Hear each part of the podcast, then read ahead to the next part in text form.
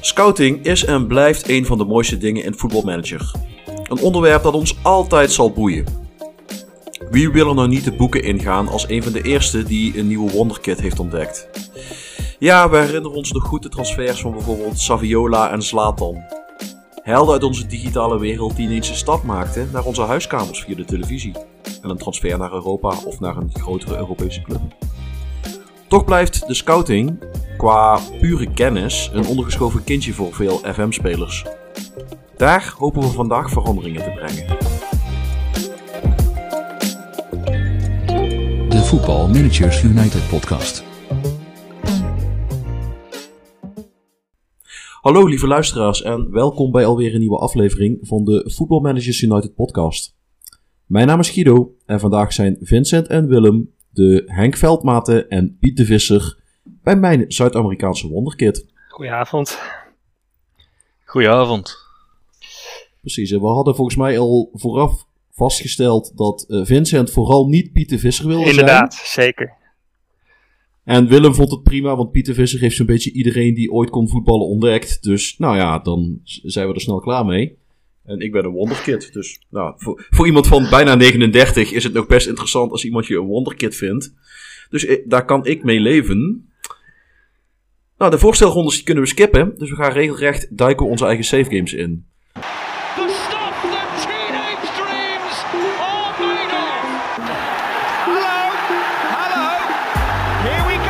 Onze eigen safe. En ik geef een, eh, een panklare voorzet als ware ik Dennis Rommedaal. En Willem is dan Matthea Kerstman in topvorm in zijn, in zijn hoogtijjaren. Kop hem in. Hoe, eh, hoe gaat het met je save game, Willem? Ja, net als uh, Matthea Kerstman heb ik bij PSV een paar uh, doelpuntenmakers puur zang rondlopen. En uh, Jason van Duiven is er één van.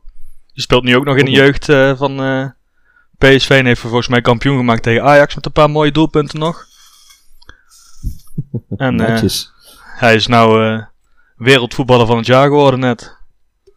Dus, en dat is uh, een eigen opleiding. Kijk, dat, ja. dat doet het helemaal mooi. En dan zeggen ze dat PSV geen opleidingsclub is. Ja, ik snap het ook niet. Ik heb ook nog uh, rechtsbuiten Javen Simons. Die is er ook nog uh, bij bij mij. Is nou 27, want ik zit alweer in 2033 nu. Dus schiet op. En ze hebben allebei een redelijke omweg moeten nemen om tot de top te komen. Maar uiteindelijk uh, zijn ze er gekomen. En vooral Van Duiven, die is helemaal los. En uh, ja, PSV zelf ook. Ik win eigenlijk bijna alles wat er te winnen valt. Ik ben nou proberen Ajax te achterhalen. Ik moet nog een paar landstitels. En heel wat KNVB-bekers volgens mij. En dan ben ik zo voorbij. Maar de Champions League is in ieder geval gelukt. Cool. Kijk, dat zal pijn doen. Dat zal pijn doen in Amsterdam. Ja, in de virtuele is, wereld uh... wel, maar... Uh... Ja, maar ja, daar krijg je niet altijd rare penalties tegen in de laatste minuut. Dat scheelt. Nee, precies. Ik heb weinig te klagen van uh, Guzebuyuk in deze save. ja, die zou intussen ook wel gestopt zijn, of niet? ik hoop het wel, maar... Uh... Volgens mij stoppen scheidsrechters niet de voetbalmanager. Ik heb nog nooit een scheids met pensioen zien gaan. Oké. Okay. Ik, ik, ik, ik, wil het wel eens testen door. Uh, ik, ik zit zelf in 2000, weet ik veel. Het zal al tegen de 50 aanlopen inmiddels. Ik, ik, ik wil wel eens een keer de Eredivisie erbij laden. Ik, ik durf te wedden dat ik zeg dat we het nog gewoon kan vinden. Ja, ik heb hem nou net even opgezocht in mijn game ook. En hij is nog steeds scheidsrechter. Hij scoort een 7,73 gemiddeld. Op een uh, totaal van 756 wedstrijden. Dus uh, hij doet het hier wel goed. Volgens mij zijn er geen new-gen scheidsrechters uh, in, in voetbalmanager, Vincent. Nee, volgens mij in, C in CM wel, meen ik me te herinneren. Toen in die periode kwam ik, uh, heb ik wel eens 40, 50 seizoenen gedaan. Volgens mij zag ik toen wel nieuwe namen voorbij komen. Nee, ja, volgens mij hebben ze, volgens mij is het ook gewoon een stukje luiigheid van, ja, Misschien gaan ze het gewoon binnenkort als een nieuwe feature aankondigen. New Gen scheidsrechters. Ja, ja. maar, even kijken, dan, dan heb je dus uh, vijf keer de Champions League gewonnen. Uh, Minstens. Ja, ik zal even kijken hoeveel het nou precies is. We hebben natuurlijk in 88 heeft uh, PSV natuurlijk al gewonnen op eigen kracht. En ik heb Eh, eh? 1928, 30, 31 en 32 toegevoegd aan het palmares. Heel net. Back-to-back zelfs, als ik het zo hoor. Ja, drie jaar op rij nou. En eh, in het jaar dat ik in 2028 dus ook en in 2029 de finale verloren helaas. Maar eh, daar ben ik niet echt heel rauwig om gezien de prijzenregen voor de rest. Nou, maar goed, dat hou je er altijd bij. Een jaartje dat het even niet lukt. Of een jaartje dat het in de finale tegenvalt. Bedoel, dat... Maar heb je, de, heb je naast... want de, de mensen die je noemt, dat zijn volgens mij pareltjes uit de eigen opleiding. Heb je ook nog leuke, leuke aankopen gedaan? Ehm ja, Kaiki, de Braziliaanse centrale verdediger, die heb ik op eh, aanraden van Pieter Visser eh, nog binnengehaald. dus die speelt ook alweer vanaf eh, 2022, 2023 bij ons. Dat zal inmiddels wel een Nederlands paspoort ook, ook hebben. Ja, dat zeker. Maar hij is eh, Braziliaans international eh, ook alweer. En ik heb Amar Dedic. Is een linksback eh, van eh, RB eh, Salzburg. Die ook op rechtsback uit de voeten kan. Daar zit wel wat talent, ja. Dus die zit er ook alweer eh 7 of 8 jaar. En voor de rest is het één grote verzameling van new gens uit de eigen jeugd en uit alle contraien ter wereld. Nou ja, daar doen we ook niet moeilijk over. Maar toch tof hoe je, ja, zo- zonder dat het neerbuigend klinkt, de- de- hoe je met een provincieclub als PSV, vooral door goede scouting en, en een goede opleiding, eh, gewoon een Europese topclub geworden bent. Ja, en wat dat betreft dus ook de spitsen die ik heb aangetrokken in de jaren, die hebben daar heel veel aan bijgedragen. Omdat ik, eh, eerst heb ik Skamaka teruggehaald naar eh, PSV. Kans op revanche. Precies, en die heeft hij gepakt en toen is hij voor rond de 100 miljoen naar Arsenal gegaan. Dat is een, eh, Oh man, dat die, die club die, zeg maar, in het echte leven doen ze vage transfers en in voetbalmanager doen ze het gewoon dunnetjes over. maar hij heeft het daar echt ook eh, geweldig gedaan hoor. Dus eh, wat dat betreft was het een goede transfer voor ze. 100 miljoen is wel echt beestachtig veel. Ja, ik was er heel erg blij mee, maar hij scoorde bij ons ook gewoon eh, één op, hij liep één op één bij mij. Dus dat was ook wel een mooie transfer voor hem. En ik heb mooi van hem gepro- geprofiteerd. Toen Sesco gehaald, die is ook voor 100 miljoen weer vertrokken. En eh, Kijk, met zoveel centjes dan heb je vast en zeker ook een nieuw stadion. die komt eraan. Over een jaartje is het eh, stadion naar mij vernoemd klaar. En dan kunnen we eindelijk eh, ook qua stadion zeggen dat we de grootste zijn van Nederland. Dan, dan is het de Willem Arena, hebben ze het ervan gemaakt. Ja, volgens mij wel. Volgens mij is het dat geworden, maar... Dat is een beetje zonde dat ze het dan weer een arena moeten noemen, hè? Ja, dat is waar. Maar ja, als het dan toch een grotere arena is dan die in eh, Amsterdam, dan is dat misschien toch wel eh, juist daarom gekozen. Ik denk het. Misschien, eh, la- la- laten, we, laten we het daarop houden. Laten we het daarop houden. Oh nee, het is door- gewoon stadium, zie ik. Oh, stadium. Dat is nog beter. Ik, ik kon Dus, me al niet voorstellen dat mensen bij PSV een nieuwe stadion een arena zouden noemen. Nee, dan zijn ze toch gewoon bij een gezonde boerenverstand gebleven. Niks mis mee. Niks mis mee.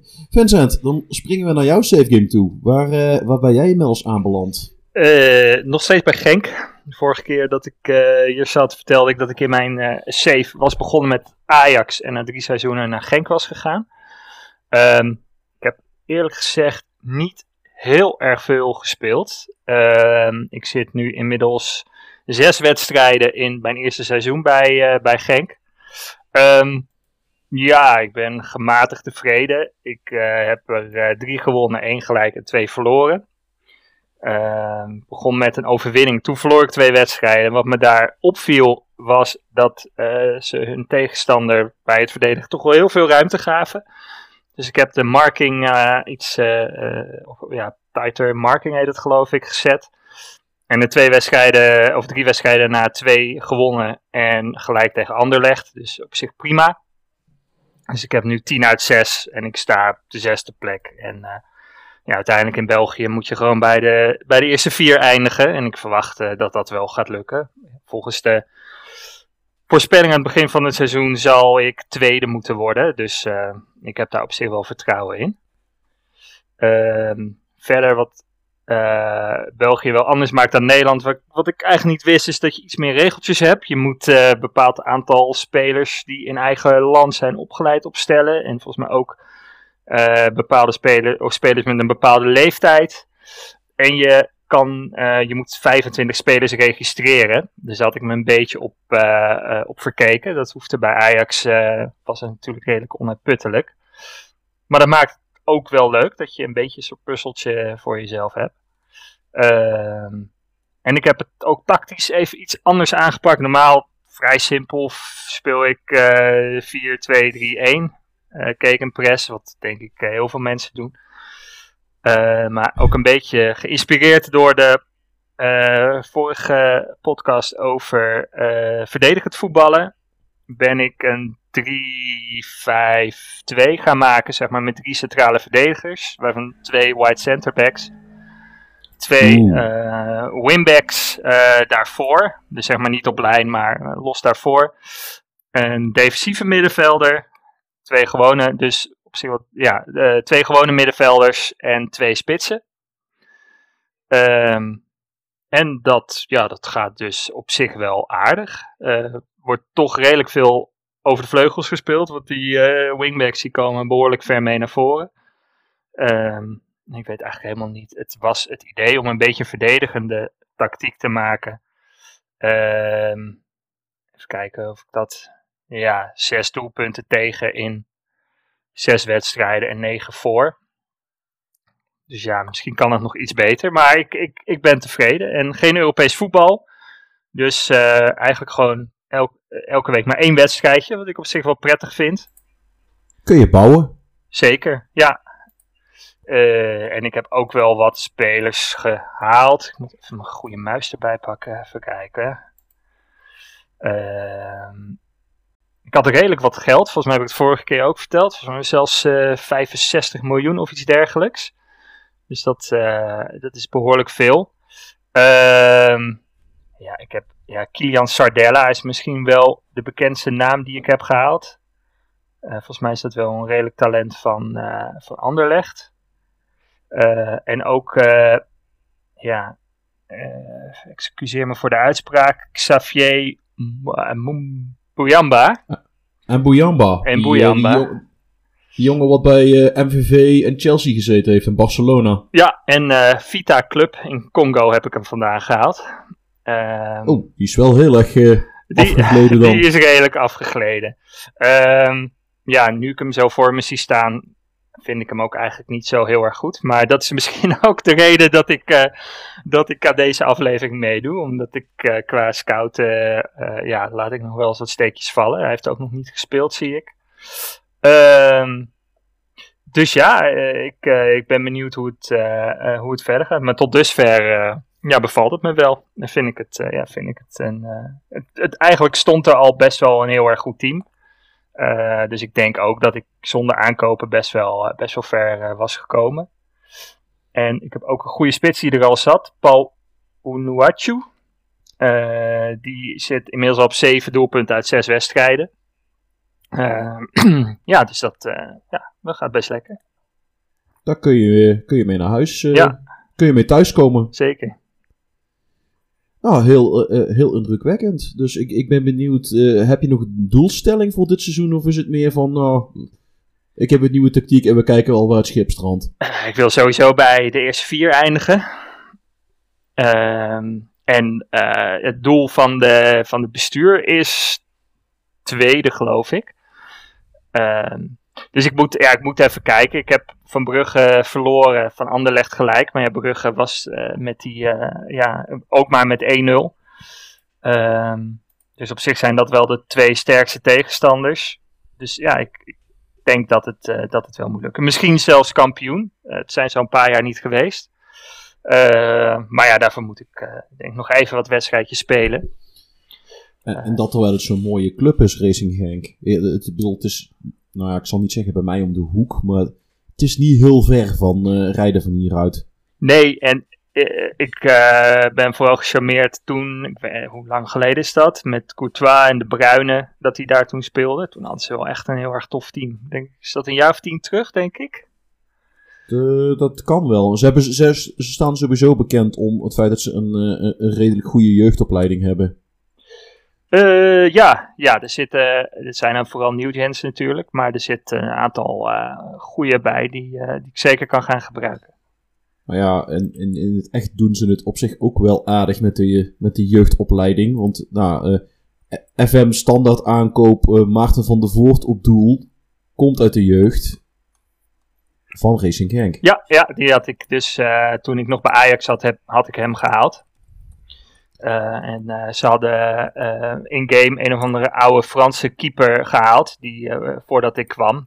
Dat is nu mijn eerste keeper, maar ja, een van de grootste doelen is wel om een, om een nieuwe jeugdige keeper te halen voor volgend jaar. Kan ik iets bij voor? Nou ja, misschien gaan we je daar wel bij helpen. Hoe, hoe je zo'n kerels nou daadwerkelijk kunt scouten. Zeker, ja. ja. Want als ik even, eh, ik ben toen ben even gaan googlen. Ik denk, eh, wat kan ik vinden aan talentvolle spelers die uit de jeugdopleiding komen van Racing Genk? Nou, dan zie ik hier, eh, en het wordt dadelijk wel beter als we verder komen. Igor de Camargo, Jelle Vossen, Faris Haroun, Sinan Boulat, Steven de Voer, Benjamin de Keulaar, Sebastian Pocognoli, Davy Ooyen, die kent, eh, die kent Willem vast ook nog wel. Dat is van PSV toch? Van een jaar of eh 20 Ja. geleden, denk ik. Ja, ja, ja, ja. Eh, z- zoiets. Yes. Eh, Dennis Praat, Anthony Limbombe, Christian Benteke. Dan zie ik hier ook staan. Leandro Trossard, die bij eh, Brighton speelt, die afgelopen weekend geholpen heeft met het afslachten van Man United. Eh, is afkomstig uit de opleiding van Racing Genk. Eh, Timothy Castagne van Leicester City. Koen Kasteels van Wolfsburg. Nou, dat zijn misschien niet allemaal wereldtoppers. Maar Ook weer geen wel, koekenbakkers, toch? Dat is toch een, Nee, eh, kan je een heel leuk team van opstellen. Ik zie ook nog eh, Christian Benteke en eh, Arthur Theater. het Benteke had ik volgens mij genoemd. Maar het maakt het niet uit. De- de- er loopt wel wat talent rond. En een voetbalmanager bij Antwerpen heb je Pierre Duomo. Wat best wel een talent is. En die komt ook uit de opleiding van Racing Genk. Dus eh, het is een hele mooie club. Dus ik ben heel erg benieuwd of de toekomstige intakes je gaan helpen. Ja, ik zal nog even moeten wachten. Ik zit nu op 1 september, dus eh, ik heb nog wel even... Ja, dat duurt nog even. Ja. Dat duurt nog even. Ik ben zelf eh, met veel, veel, veel pijn en moeite weggekomen uit Hongkong. En je zou denken dat voor een manager die zoveel gewonnen heeft, het het best makkelijk is om een nieuwe club te vinden, maar dat valt vies tegen. Ik ben gewoon door zes clubs uit Zuid-Afrika afgewezen. Voordat ik, voordat ik een kansje kreeg.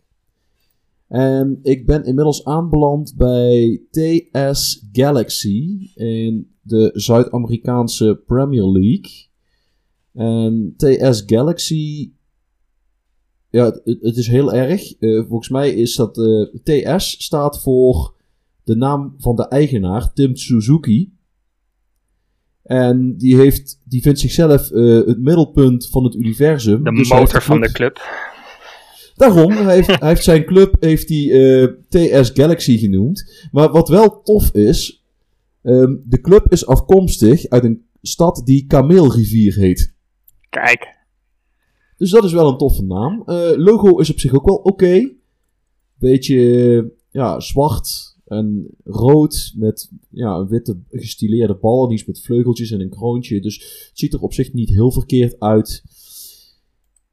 Feit is in ieder geval, ik ben eh, in Zuid-Afrika aan de slag gegaan. Ik heb in het eerste seizoen ben ik in de laatste tien wedstrijden pas ingestroomd. Daar heb ik er zeven gewonnen, drie verloren. Ik ben ook eh, verdedigend gaan voetballen.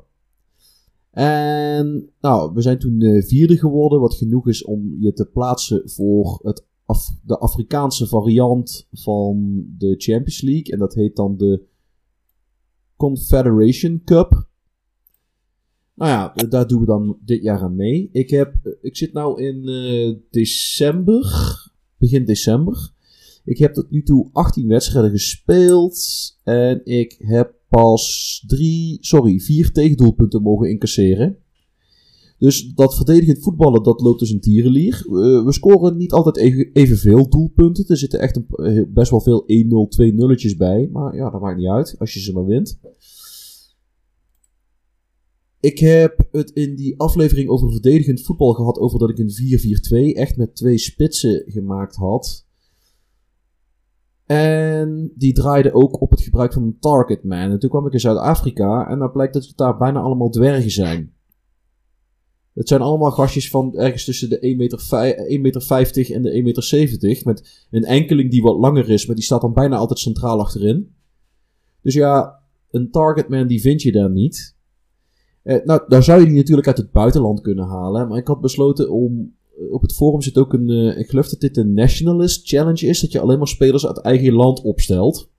Dus ik denk, nou dan gaan we dat eens een keer doen. Dus ik, ik kan geen niet-Zuid-Afrikaanse spelers kopen. Eh, dus een targetman aankopen gaat niet. Dus ik ben eh, teruggegaan naar mijn roots. 4-2-0. Dus met twee aanvallende middenvelders. Maar dan kun je dus niet meer distribute the ball to the targetman doen. Want die heb je niet meer. Dus ik heb wel wat, eh, wat omzettingen moeten doen in mijn verdedigende speelstijl. Ook met de verdedigende lijn moeten klooien. Want als ik hem zo diep laat inzakken, dan staan ze veel te ver op eigen helft. En dan hou je niet meer die druk op de verdedigende lijn van de tegenpartij erop. Eh, ik denk, gezien de resultaten, dat ik de balans wel redelijk te pakken heb. Maar we gaan het zien. Eh, tot nu toe amuseer ik me hartstikke rot. Al is het maar omdat ik driekwart van de namen van die spelers gewoon voor geen meter uitgesproken krijg. Ik heb een, Nkosinati Nkegobo, eh Ayubalela Mbehele, Vuyusile Webber, Kamogelo Lombard, Luvuyu Hartog. Nou ja, daar loopt van alles rond. Ik heb één Wesley, Wesley Nkosi. Ehm, die heeft ook gelijk een basisplaats als linksback. Want je moet er wat van maken. Oh, dit, kan- dit kan ik er wel nog in gooien. Ik, ik dacht, hè, dan neem je het eerste seizoen over. Dan ga je daar spelen. Je wint er zeven. Je speelt er drie gelijk. Dan denk je, nou, je bent, eh, je bent goed bezig, hè? Je wint ook van de kampioen. Je wint ook van de nummer twee. Dan denk je, nou, je hebt de basis binnen voor een, een, potentieel, voor een potentieel kampioensteam. En ja, dit is, dit is echt iets. Ik heb me daar groen, geel. Groen en geel aan geërgerd. Dat zegt wat als een Fortunees zich groen en geel ergert ergens aan. Ehm, toen kwam er een voorzitter. En die besloot zo'n beetje elk bod op een speler van mijn club te accepteren. Echt een soort van, van, van totalitaire makaak die ze ergens uit het afvoerputje van de mensheid hebben gevist. En die hebben ze de teugels van de club in handen gegeven. De kampioen was eh Kaiser Chiefs. En die hebben drie van mijn spelers gekocht voor een, ja, een spotprijsje. Omdat de voorzitter zei, is goed, dit bod accepteer ik. Is te goed om af te wijzen. Rot toch op, zo kan ik toch nooit een nieuwe club opbouwen als je gewoon zes van mijn basisspelers verkoopt. Nou ja, eh, het, is, het is dat het in voetbalmanager niet mogelijk is. Anders denk ik gewoon dat die vent gewoon de helft van het geld verduisterd heeft om een of andere drugshobby of verslaving aan dure prostituees mee te financieren. Maar goed, dat gaat nou eenmaal niet. Het feit is wel dat ik mijn hele seizoen weer opnieuw moest beginnen. Dus ik heb heel veel moeten scouten. Dus in dat opzicht sluit het wel aan eh, bij het thema van deze week. Namelijk, ik heb me te pletter moeten scouten, omdat ik de helft van mijn basiselftal moest gaan vervangen na één seizoen. En niet omdat ik het zelf wilde. Maar genoeg over mijn save. We gaan eh, naar het thema van deze week. Want ik, ik heb het idee dat ik meer dan genoeg geluld heb weer. It's just the most extraordinary scenario you could have dreamt of. The unthinkable unfolds before our eyes. Het thema van de week. En Vincent, we gaan het eigenlijk een beetje doen als bij die rollen. Jij hebt vragen, jij wil dingen weten en Willem en ik zijn degene die jouw vragen gaan beantwoorden. Nou, prima. Die, eh, die rol beviel mij prima, dus eh, laten we het zo doen, ja. Ehm, ja, om, stel je, je begint bij een club. Hoe, eh, ehm, ja, je, je hebt de tactiek, je hebt de training, dat, dat zit allemaal goed. Maar hoe begin je om je scouting systeem in te richten? Waar, waar begin je mee? Als ik een, eh, een voorzetje mag geven. Het, het eerste wat je, waar ik zelf naartoe ga, is dan uiteraard het scouting center. En op het moment dat je daar. Nou ja, eh, voor een deel is het ook afhankelijk van eh, we- welke restricties leg je jezelf op. als je zegt ik blijf alleen maar in eigen land, dan is een van de eerste dingen die je doet, is je scoutingpakket downsizen. Want ja, waarom zou je in het buitenland gaan scouten als je niet het idee hebt dat je spelers daar vandaan wil gaan toveren? Dus dat is er eentje die, die ik standaard doe. En op het moment dat ik het idee heb van, nou, ik, ik wil meer en ik heb hogere ambities en ik heb geen rare restricties, ja, dat, dan kun je ook gewoon je scoutingpakket hoger en duurder maken en, en wat meer naar het buitenland toe gaan. En je kan volgens mij ook als jij, ja, hoe duurder het scoutingpakket, hoe kleiner de kans is dat je het geld hebt natuurlijk. Dus in het begin, als je bij een kleine club begint, heb je niet zo'n groot budget om bijvoorbeeld een heel de wereld te scouten. Maar het is een bedrag per maand. Er staat altijd van oké, het is bijvoorbeeld 850.000 voor een wereldpakket per jaar, maar het is 70.000 per maand. Dus als jij dat pakket alleen maar aanzet in één maand in juli of in augustus, dan ben je dat bedrag kwijt en dan kun je daarna zetten op geen package. Is inderdaad ook nog een optie, maar dan raak je dan niet wel al die, uh, al die scouting reports kwijt? Dat durf ik eigenlijk niet te zeggen, maar dan heb je in ieder geval wel voor een kortere periode, als je echt een heel brede scouting range wil, dan heb je wel voor een kortere periode een groter uh, vijver om in te vissen. Dan moet je natuurlijk nog wel geluk hebben dat je de goede eruit weet te vissen. Maar dan heb je in ieder geval wel de ogen die kijken wat verder dan uh, anders. Dat is absoluut waar. Nou, ik denk dat de volgende stap, als je zeg maar je pakket hebt vastgesteld, dus dan, dan ga je kijken naar de, de personele bezetting, de poppetjes. En ja, ik, ik weet niet. Wat ik, ik, ik hou er zelf van om niet alleen scouts te hebben, maar ja, ook, ook data managers. Dus dan, dat betekent ook dat ik een, uh, ja, een recruitment analyst minstens eentje in dienst wil hebben. Uh, omdat, ik, omdat ik data wil hebben. En niet omdat ik mijn scouts niet vertrouw, maar ik scout vooral heel erg zelf op wat ik zie. En, en de, de, de sterretjes ratings van mijn scouts, die zeggen me wat minder. De scouts zijn er eigenlijk vooral om de, om de attributen van een speler uh, zichtbaar te maken voor mij. Want jij speelt met, uh, met die masking aan, of? Ja, ja uh, voor, vooral om het voor mezelf um, niet te makkelijk te maken. Want anders is het gewoon een kwestie van... Ja, hoe meer tijd je erin stopt om op namen te klikken... hoe groter de kans je op een gegeven moment wel een, een, een goede speler vindt. En ja, dat, dat zou ik te makkelijk vinden. Ja, want die, die sterretjes wil ik zo nog even op terugkomen. Maar uh, nog even die personele bezetting. Stel je hebt, uh, je kijkt zeg maar naar je scouts. Als je uh, scouts zoekt, dan zie je zeg maar die attributen gehighlight. En het is dan uit mijn hoofd het huidige potentieel, het toekomstige potentieel en volgens mij... Adaptability ja, is voor scout belangrijk. Fijn dat jij hem even voor me uitspreekt. Um, tak. Maar zijn dat ook echt de drie dingen die je, die je pakt? Of zeg je, er zijn nog wel andere attributen die handig zijn voor een scout? Ik, ik denk voor een, een pure scout die, die verder geen dingen hoeft te doen, uh, heb je niet heel veel meer nodig. Je, kon, je kunt je scout de opdracht geven om uh, tegenstanders te analyseren en dan is een, een beetje tactical knowledge handig. Maar ja, dat moet je zelf weten. Als hij puur en alleen er is om spelers te ontdekken, dan ja, heeft hij daar niks aan. Oké. En hoe, hoe, meer, hoe meer parameters dat je in die zoektermen gaat invullen, hoe kleiner de, de, hoe, kleiner de, de string van resultaten wordt. Dus je, ja, je moet er ook niet te veel in stoppen, want dan, dan heb je dadelijk maar één of twee spelers die eruit komen bij een topclub. En ja, dan zijn ze onbetaalbaar. Ja. Wat, wat, wat, stel nou, ik heb bij Genk zeven, zeven scouts. Ik heb, uh, ik heb uh, laatst gevraagd of ik eentje extra mocht. Nou, dat mocht, dus dat was heel sympathiek. Maar wat, uh, wat is nou een goede uh, verdeling? ja, waar moet je sowieso op laten scouten? Ik denk sowieso eentje die de, je toekomst of die je volgende tegenstander pakt. Op, uh, ja, dat, dat is wel eigenlijk eentje die gewoon de volgende wedstrijd, uh, ja, de wedstrijd van een tegenstander scout en dat rapport geeft. Want daar kun je altijd wel veel uithalen van waar wil ik gaan spelen, waar, of wat kan ik doen om deze tegenstander zo goed mogelijk aan te pakken.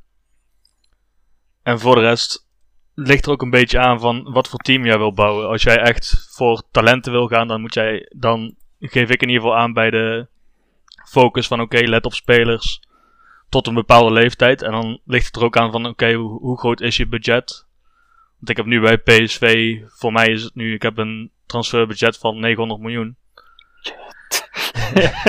Zit ik op te Dus- scheppen met mijn 65 miljoen. Vergeleken met wat ik in Zuid-Afrika heb, Dus- zijn jullie allebei heel erg rijk. Ja, Dus- nee, dat is zo. Maar dat geeft in principe aan dat voor mij maakt een. Het bedrag wat ik voor een speler neergooi, maakt niet heel veel meer uit. Als ze talentvol zijn, dan kan ik ze kopen. Daar komt het bij mij op neer. Maar in het begin was het ook, dan heb je een bepaald budget voor een speler. Dus dan kun je ook bij de zoek, eh, als je scouts uitstuurt, dan kun je ook een bedrag afspreken van oké, ik wil dat je spelers zal die maximaal dit bedrag kopen. Kosten. En dan kun je in ieder geval voor zorgen dat ze niet met een talent aankomen dat eh, veel te duur voor jou is. En die je toch nooit kan gaan kopen. In ieder geval niet het eerste jaar. Nee. Want als je. ehm, ik heb nu toevallig dat eh, assignment eh, scherm openstaan. Ehm, wat ik zelf altijd doe, is dat ik altijd fits tactic doe. Dus dat ik de, de tactiek eh, pak die ik op dat moment speel. Ehm, maar zijn er nog meer echt standaard zaken die heel handig zijn om in zo'n assignment mee te geven? Of is dat echt, echt afhankelijk van wat je, wat je precies wil? Nou, een, van de dingetjes die ik zelf doe, maar dat komt ook omdat ik eh, diep van binnen toch gewoon een Hollander ben, is dat ik eh, vanaf, nou, zeg twee of drie maanden voordat je weet dat je contracten kunt gaan aanbieden aan spelers die uit een contract lopen, ga je daar ook echt op scouten. Dan ga je scouten naar welke spelers lopen op het einde van een seizoen uit het contract.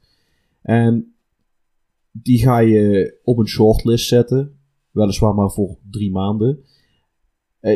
Eh, als er hele interessante spelers bij zitten, dan ga je in de pers dingetjes lopen roepen als: hey, ik zou jou al willen halen, ik zie jou al zitten.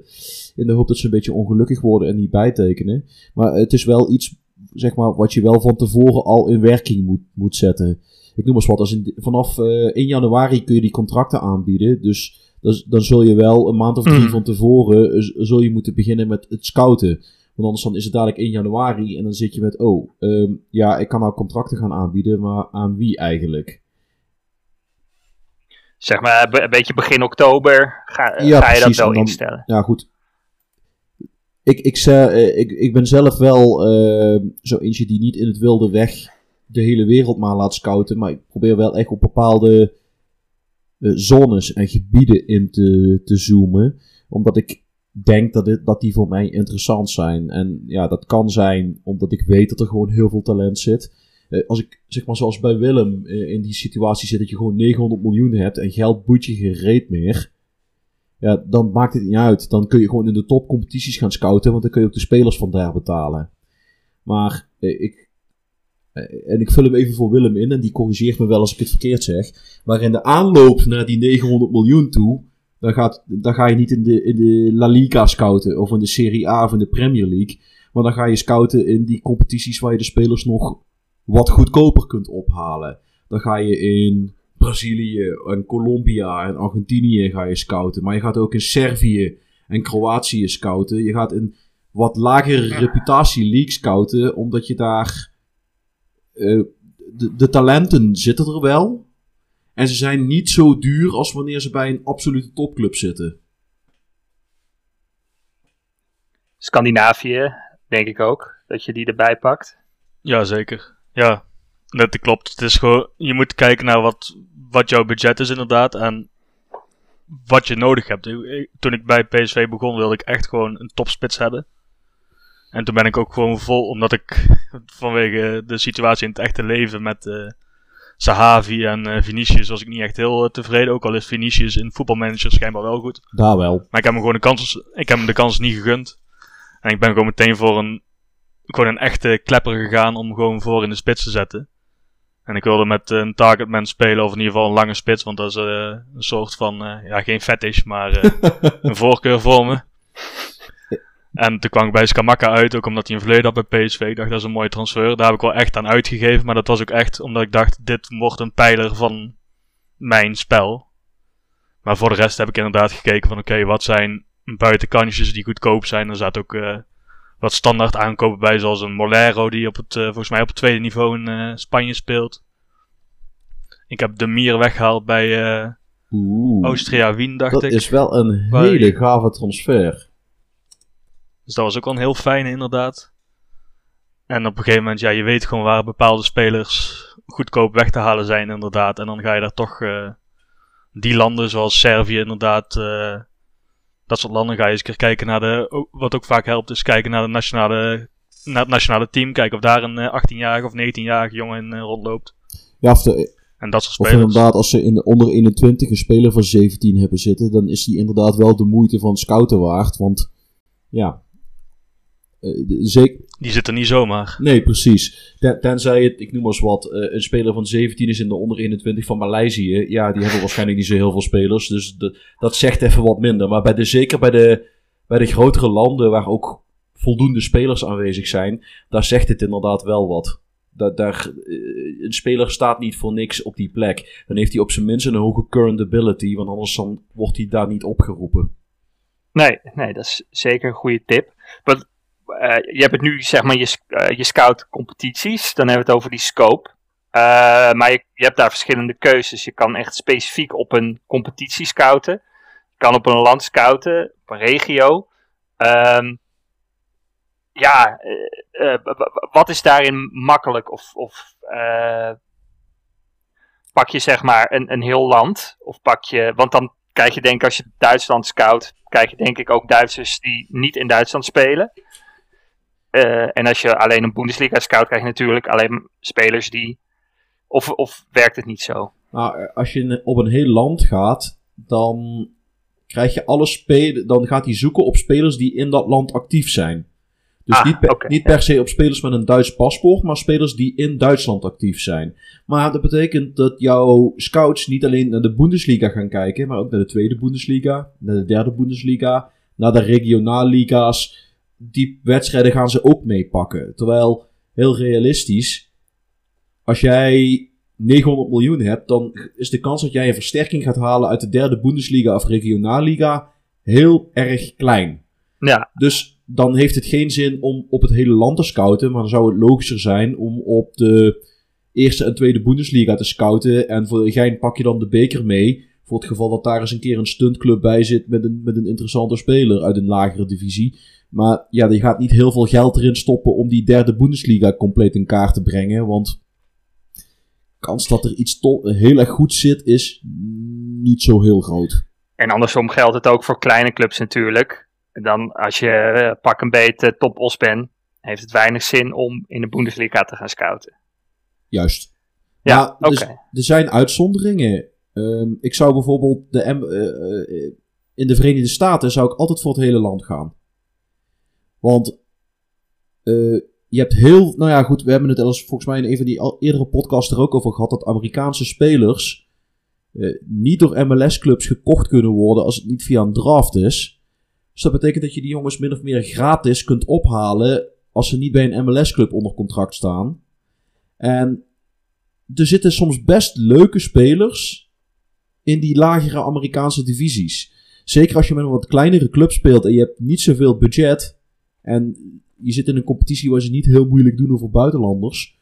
Dan kun je op die manier voor, weinig geld toch vaak een paar leuke spelers op de kop tikken. En dan, dan loont het zich weer wel om de hele, het hele land te scouten. Maar dat ligt dus echt aan het land en aan je eigen situatie. En ja, god, dat klinkt wel lullig, maar eh, het is ook een beetje een kwestie van de competities kennen en weten hoe het in die competities in elkaar zit, om te weten wat, wat bij die competitie en bij jou past. En heeft het zin om in, ehm, in de jeugdcompetities te gaan scouten? Dus echt specifiek op bijvoorbeeld eh, in eh, Nederland op de, op de onder 18 divisies? Of zeg je van nou, dat heeft niet heel veel zin? Ik doe het zelf bijna niet. Eigen- eigenlijk vooral omdat, nou ja, bij Dynamo Kiev deed ik het niet, omdat de meeste Oekraïnse club, clubs eigenlijk geen noemenswaardige jeugdopleiding hebben. Je hebt Dynamo, je, je hebt Shakhtar en dan heb je nog één of twee clubs net daaronder en dat is het dan wel.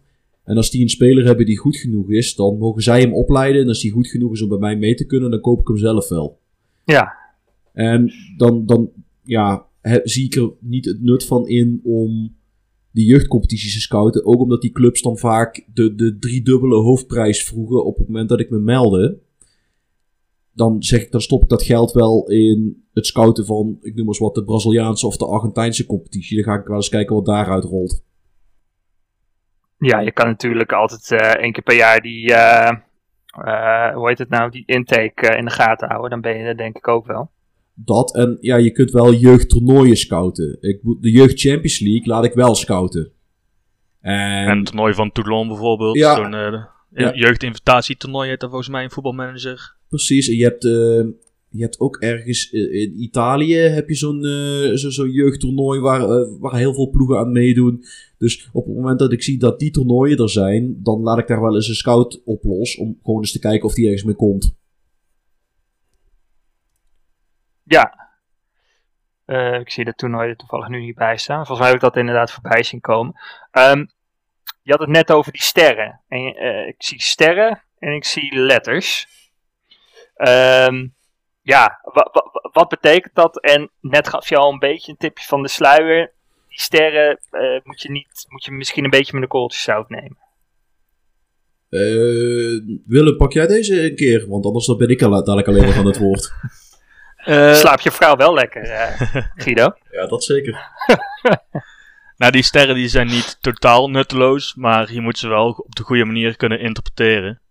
En dat betekent eigenlijk, kijk, als, je, als een speler, als jij op het laagste niveau speel, eh, begint, ik ben ook begonnen met eh BFC Dynamo op het vierde niveau in Duitsland. Dan is een speler die eh, scout, die jonger is dan 21, die heeft eigenlijk altijd al gewoon 5 sterren potentieel. Maar dat betekent dat hij 5 sterren potentieel heeft van het niveau waar jij op dat moment bent. Dus dat betekent ook dat als jij één of twee keer promoveert, dan heeft hij helemaal niet meer dat potentieel. Omdat het potentieel wat hij dan heeft gekregen is afgezet op jouw niveau op dat moment en op het niveau van de competitie op dat moment.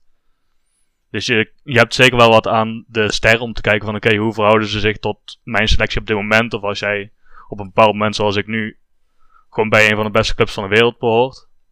Dan weet jij van oké, als een speler vier sterren krijgt, potentieel, dan kan hij ook echt uitgroeien tot een wereldtopper.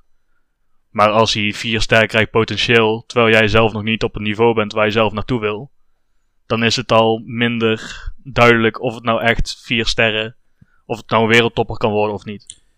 Ja, precies. En dan heb je dan ook die zwarte sterren. Afhankelijk van hoe goed het, het scouting report is. Gele sterren, dat staat min of meer vast.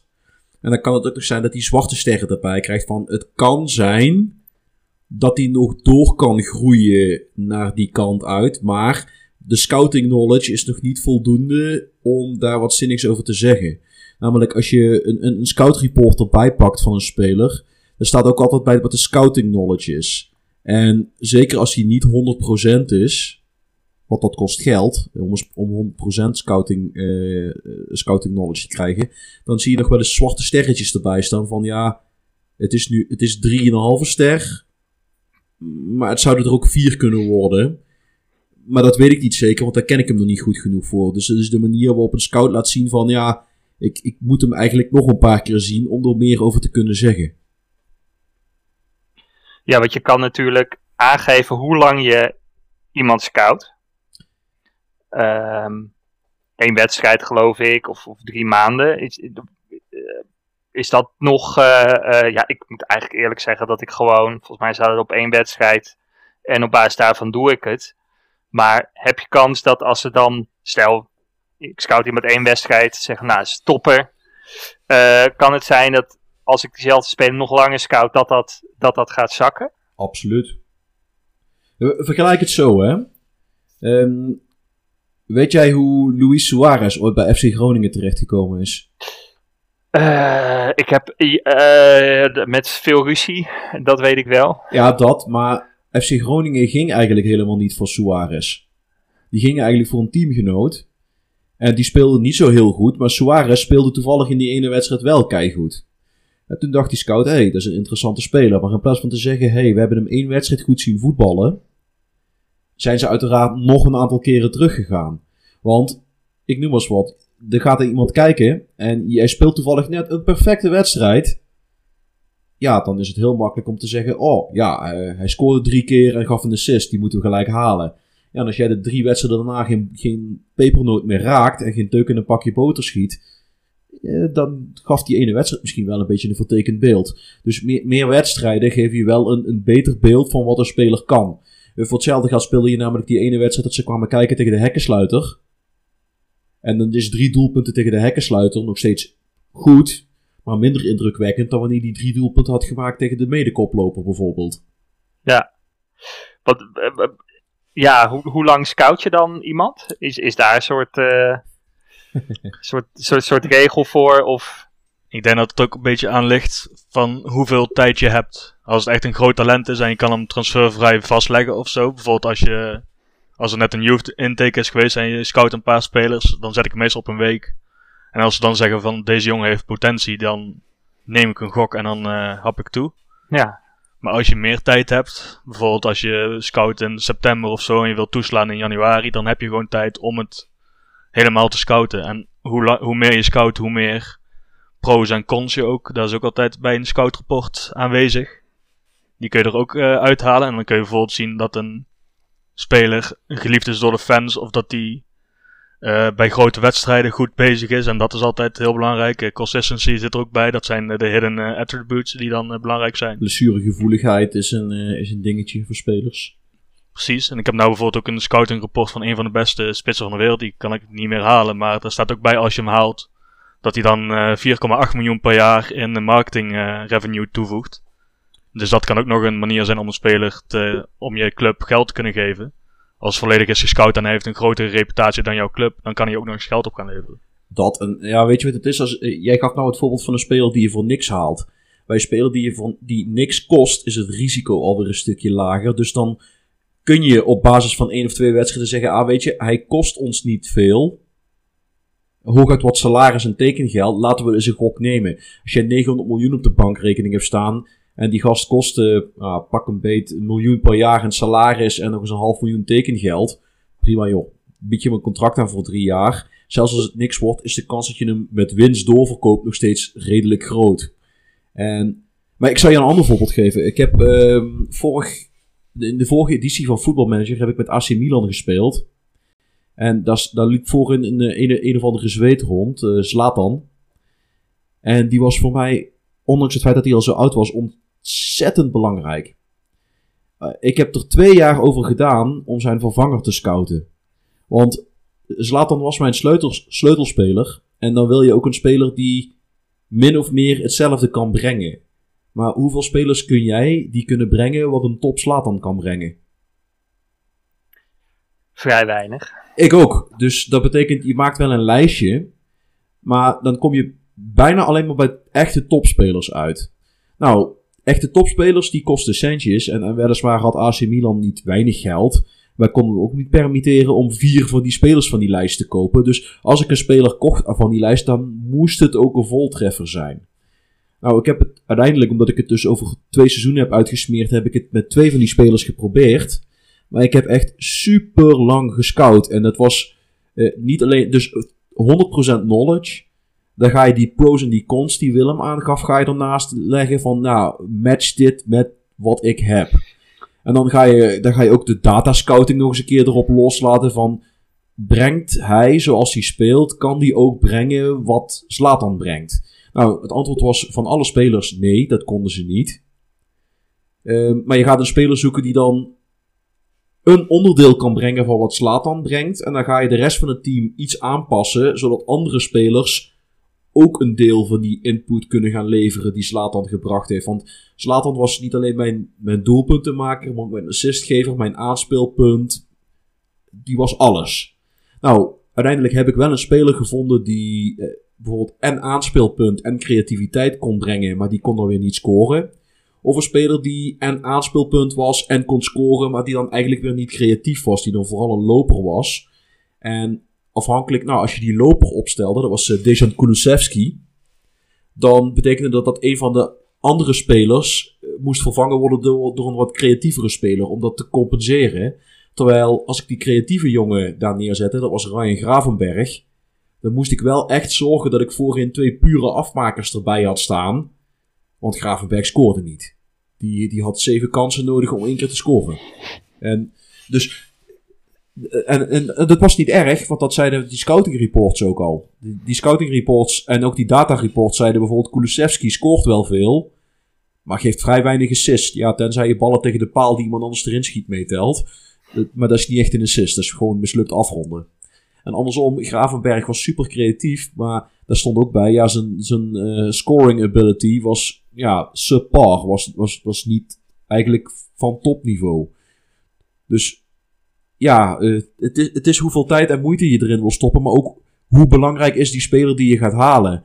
Een, een, een talentje voor de toekomst, zeker met een, een bijna onbeperkt budget, ja, dat boeiend. Daar stop je wat meer daar stop je wat minder tijd en moeite in, dan iemand die jouw absolute topspeler moet gaan vervangen. Nee, ja, heel logisch. En als je dan kijkt naar de letters. eh, Volgens mij heb je A tot en met F. Ehm, ja, wat kun je daar precies mee en hoe, eh, ja, hoe serieus neem je dat? Het is, eh, ben, je, ben je bekend met het eh, Amerikaanse onderwijssysteem? Een klein beetje? Eh, met die grades, toch? Geloof ik. Ja. A, eh, A plus is geloof ik het hoogst. Ja, een, een, een, e, een E is het hoogste en een F is het laagste. Dus en, eh, ik zal je een leuke vertellen. Als jij de taal van voetbalmanager van eh, Engels naar Nederlands zet, dan verdwijnen, dan verdwijnen die A tot en met F ratings. Dan wordt dat vervangen door een cijfer. Van, 1, van 1 tot en Ah, ja. met 10. Dit is, dit is, Ja, ik, ik, dit is echt Ja, een, eh, ik- een, een Engels taal dingetje.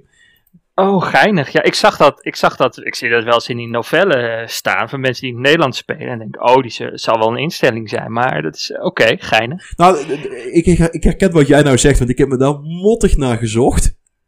Ja, Tot, totdat iemand op een gegeven moment zei van, ja maar gast, dat is gewoon altijd zo als je het Nederlands speelt. En toen dacht ik, ja, dat doe ik dus nooit. Dus Nee. ja, dat, dan snap ik dat. oké. Er gaat voor mij ook een wereld open. Eh, Maar daar, is, de- daar is deze podcast voor, toch? Dit is een safe space. Wij oordelen niet dat iemand iets niet weet, we proberen elkaar te helpen. Maar dan zit ik even, wat dan de eerste vraag die me opkomt, 1 tot en met 10 is veel meer dan A tot en met F. Maar nu zie ik toevallig eentje die C plus heeft. Ja, Dus- daarom. Je hebt, je hebt A+, Dan heb je denk ik ook wel, A plus is er niet. Maar je hebt wel inderdaad eh, C plus of C min. Dus, A plus is er ook. Oh, is er wel A plus? Ik heb nog nooit een A plus speler Ja. gezien. Ben ik heel eerlijk in. Ik zie er eentje hier eh, bovenaan staan. 4,5 ster nu, 4,5 ster potentieel. A plus. Dus hij bestaat wel. Eh, Oké, dan lag ik dat gewoon een A aan min. Dan lag dat gewoon puur aan mij. Ik, ik heb er nog nooit eentje weten vast te leggen. Of, of überhaupt gescout. En dat is inderdaad de 10. Ik heb het even vertaald. Ja, vertaald.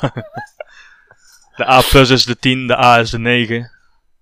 En dan eh, naar de 8,5 en eh, lager. Kijk. Dus, nou, eh, het mysterie is opgelost. Ja, ja.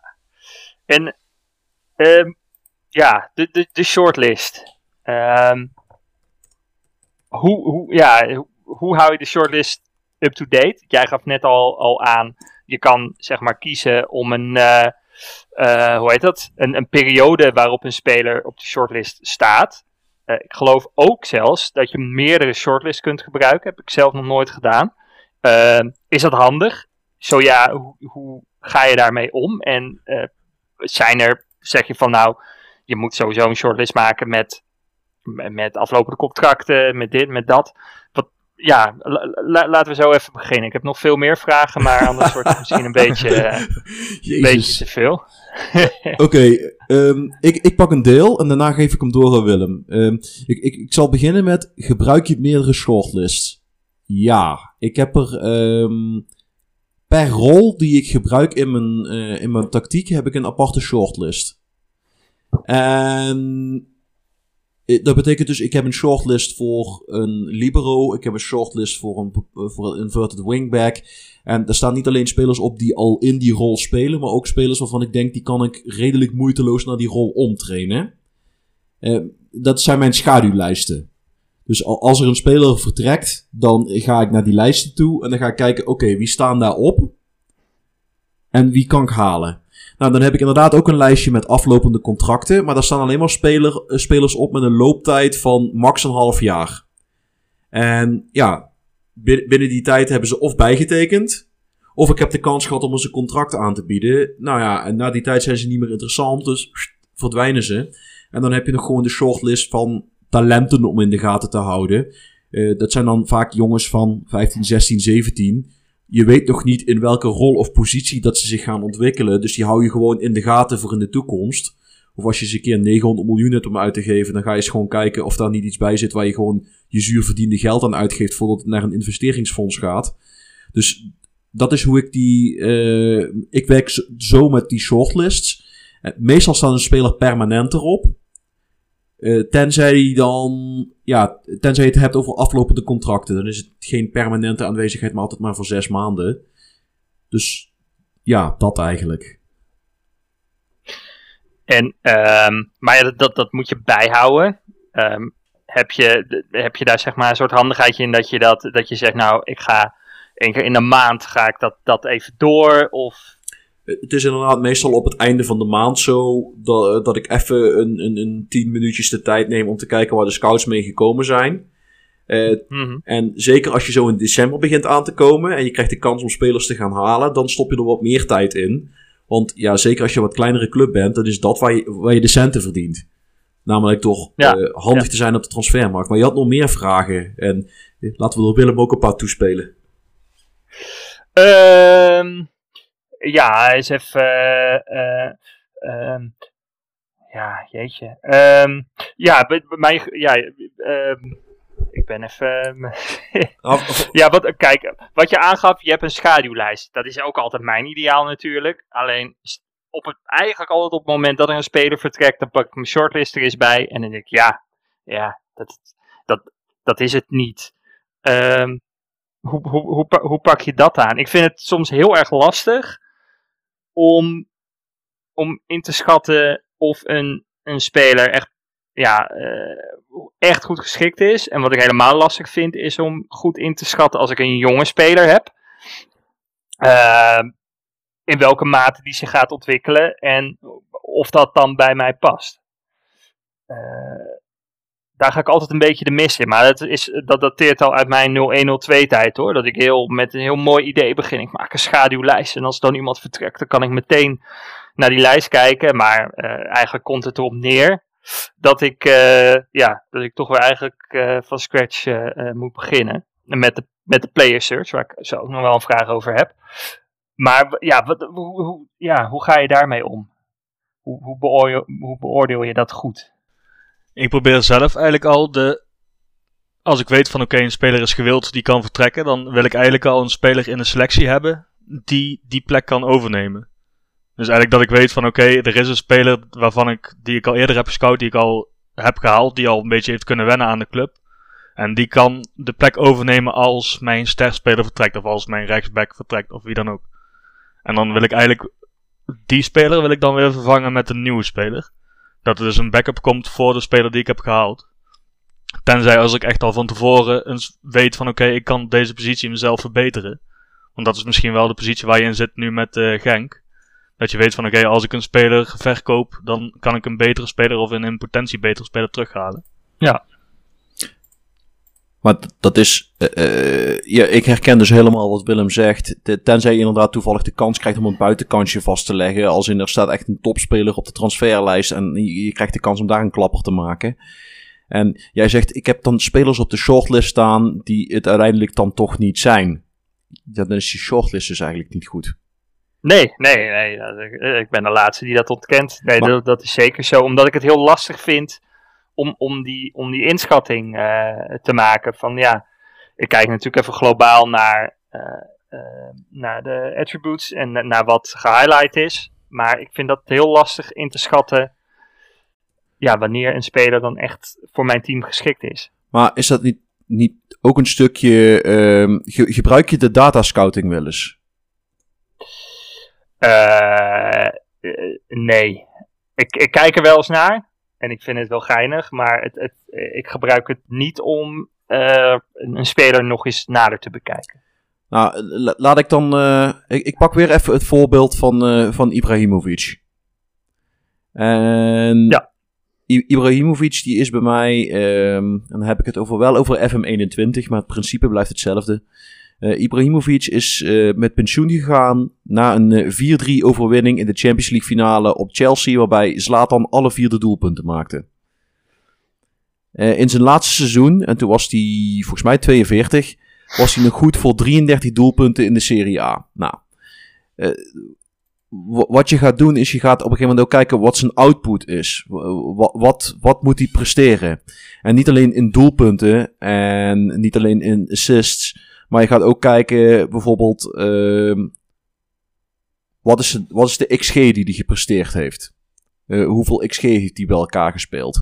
Ehm, hoeveel dribbles heeft hij, heeft hij gewonnen? Hoeveel kopduels heeft hij gewonnen? Ehm, wat is zijn passingpercentage? Hoeveel key passes heeft hij bij elkaar verzameld? Hoe vaak tackelt hij? Eh, ei- eigenlijk probeer je een totaalbeeld te krijgen in, in cijfers van, van wat een speler brengt. En nou, dat kun je via de Data Hub, krijg je dat eigenlijk best wel geregeld.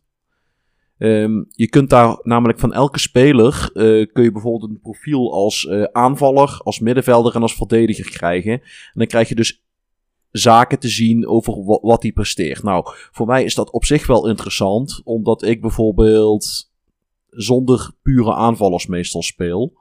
Ehm, ik, ik zal je een voorbeeld geven. Z- Zlatan als middenvelder is eh, niet te vergelijken met Zlatan als aanvaller. Namelijk voor aanvallers gelden, he- gelden hele andere criteria waar naar gekeken wordt. Eh, maar daarom was hij ook bijna niet te vervangen. Hij was als middenvelder en als aanvaller was hij top. Hij won eh, bijna 40% van zijn kopduels. Hij, hij scoorde bijna 22% van al zijn schoten op doel. Eh, hij schoot bijna vijf keer per wedstrijd op doel als middenvelder. Hij had gemiddeld 0,17 assists per wedstrijd. Een expected goals van 0,8 bijna per wedstrijd gemiddeld. Hij scoorde, als je het daadwerkelijk af zou zetten tegen speeltijd, want zeker zijn laatste seizoen was hij een beetje op, scoorde hij toch nog bijna 1,12 doelpunt gemiddeld per wedstrijd vanuit het middenveld. Nou, als je dan na, naar zijn statistieken, sorry, als eh, middenvelder gaat kijken, eh, daar kwamen nog een aantal dribbles bij en alles. Eh, Je, gaat kijken naar de output die een speler levert. En dan ga je kijken, nou, kan ik een speler vinden die bij zijn club een vergelijkbaar profiel heeft? Misschien scoort hij niet zoveel, maar scoort hij op die andere gebieden wel zo hoog. En dan is hij toch interessant voor jou. Eh, ik noem maar eens wat. Eh, laten we. Laten we nou even naar de eredivisie gaan. En even een speler pakken die mij aan het hart gaat. Zian Fleming. Ehm, als, je, als je puur naar de cijfers gaat kijken. Dan zeg je, god, hij heeft, hij heeft maar tien keer gescoord. Dus is hij zo goed wel. Als je vervolgens naar de onderliggende cijfers gaat kijken naar hoe vaak komt hij in scoringspositie, hoe vaak komt hij, schiet hij op doel. Je zet dat af tegen het feit dat hij bij een ploeg speelt die onder in de eredivisie speelt en redelijk defensief voetbal speelt. Als je die nuanceringen allemaal meeneemt, dan wordt die statistisch gezien ineens een stuk interessanter. Je hebt de speler die niet heel vaak voor het doel komt en dan toch een redelijk hoog succespercentage neerzet. Ineens wordt die speler een stuk interessanter voor je. Dus dat, het is een manier om spelers die je al op je shortlist gezet hebt, nog eens een keer verder uit te filteren. Want ja, uh, mijn vader zei vroeger altijd: ja, elke sukkel kan bij Ajax 20 doelpunten maken. Je, je speelt namelijk bij een super aanvallend team, wat heel vaak in de 16 komt. Nou, dat kent hij mij nog niet. Nee, maar op, op professioneel niveau. Uh, Seb ah, zo, ja. Sebastien Haller leek een hele goede spits bij Ajax. Want ja, die heeft er best een paar gemaakt. Maar als je dan naar zijn output daarnaast gaat kijken, als je even de doelpunten buiten beschouwing laat, dan is het de vraag of die wel zo'n geweldige aanvaller is. Uh, is die ook. Uh, en daarmee, daarmee ga je weer naar dat, naar dat profiel kijken. Uh, lever, want hè, een Ajax-spits die moet eigenlijk alles kunnen. Die moet kunnen kaatsen, die moet aanvallen kunnen opzetten en ze kunnen afronden. Nou, het afronden, dat kan die wel. Maar als je, mee gaat kijken, als je gaat kijken naar die andere factoren, dan zie je dat die daar niet zo geweldig goed in is. Nee, waardoor die dus heel erg verguisd wordt op momenten dat hij een keer drie, vier wedstrijden niet scoort. Dat hij verder ook niet zoveel geen bijdrage levert. krijgt. Nee, nee.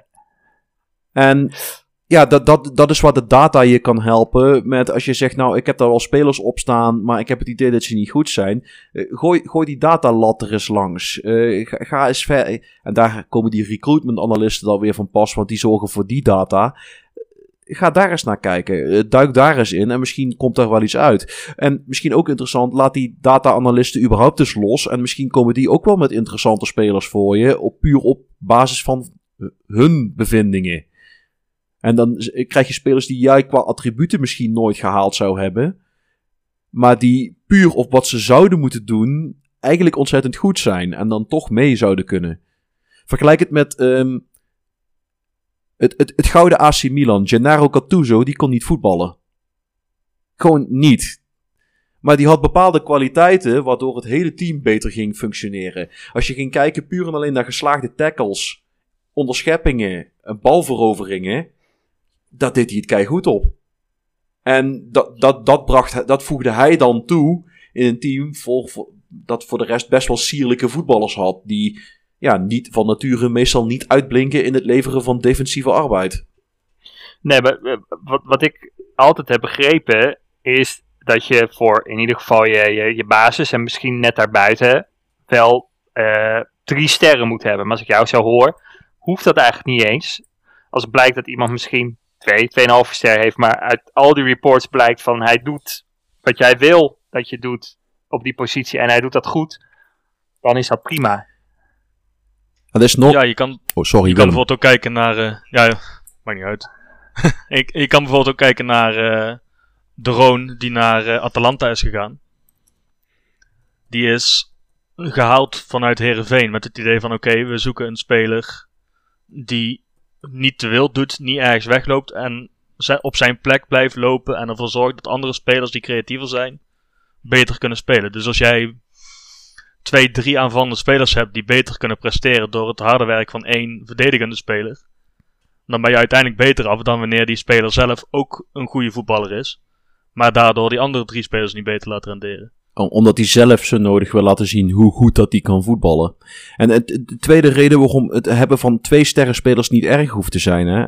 Als al jouw spelers drie sterren of hoger hebben, dan ga je heel veel spelers hebben die ook willen spelen. Omdat ze weten dat ze goed genoeg zijn om te spelen. En als je er dan af en toe één of twee, twee sterren spelers bij hebt die als ze mee moeten doen, gewoon prima mee kunnen doen.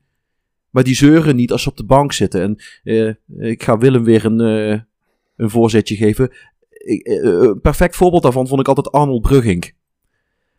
In zijn tijd bij PSV. Die was niet beter dan Luc Niels. Die was niet beter dan Ronaldo. Die was niet beter dan Ruud van Nistelrooy. Die was niet beter dan Matthea Kesman. Maar als het nodig was, kon die meedoen. Dan deed hij het op zich ook nog best wel redelijk. Want hij, die heeft vaak zat genoeg doelpunten gemaakt. Alleen, hij, hij vond het ook prima om daarna weer... Of ja, prima weet ik niet. Maar hij had er vrede mee dat hij op een gegeven moment weer naar de bank moest. Omdat er iemand in kwam die gewoon beter was. Maar als het nodig was, stond daar gewoon een hele degelijke voetballer... die deed wat hij moest doen. En een, een goede twee, te- een goede twee sterren speler is niks mis mee. Of een goede 2,5 sterren speler. Dat het zijn prima rotatieopties. En die heb je ook nodig. Want ja, een, een seizoen zonder blessures, dat kan niet. Nee, nee. Nee, ja, heel logisch. eh, inderdaad. Je wil, eh, het gaat dus net als met, met het tactische eh, verhaal en de rol. Het gaat gewoon om de balans. Dat is misschien het toverwoord in FM op alle, op alle vlakken. Oh ja, ja, jullie gaan me vervloeken inderdaad met die balans. Maar eh, dat, is het, dat Ja, is het wel. Dat is het wel. Als ik, als ik heel even iets, iets anders mag. eh, wat, ik, wat ik heel vaak doe, is dat ik de player search gebruik. Ehm, en je kan dan natuurlijk. Ik zit heel even te kijken hoe dat eh, precies heet. Je kan dan zeg maar een, een rol kiezen. Je kan dan zeggen dat hij de eh, attributen moet highlighten die bij die rol passen. En dan kan je aangeven, nou, het moet allemaal op, op 15 of weet ik veel.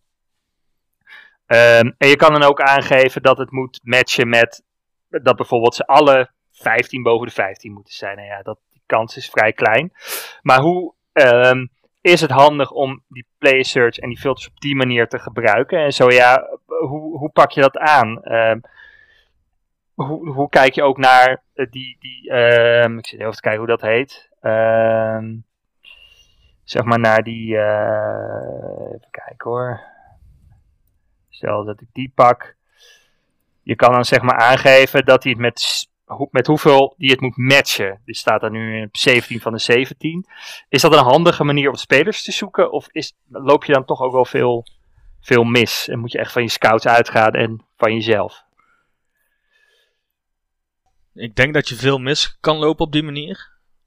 Tenzij als je echt heel specifiek zoekt naar een bepaald soort speler, dan denk ik dat dat een manier is om zo'n speler te pakken. Maar ik denk dan, dan ben je ook echt weer op een niveau waarop je echt Geld een hebt. bepaald soort speler kan halen en geld hebt.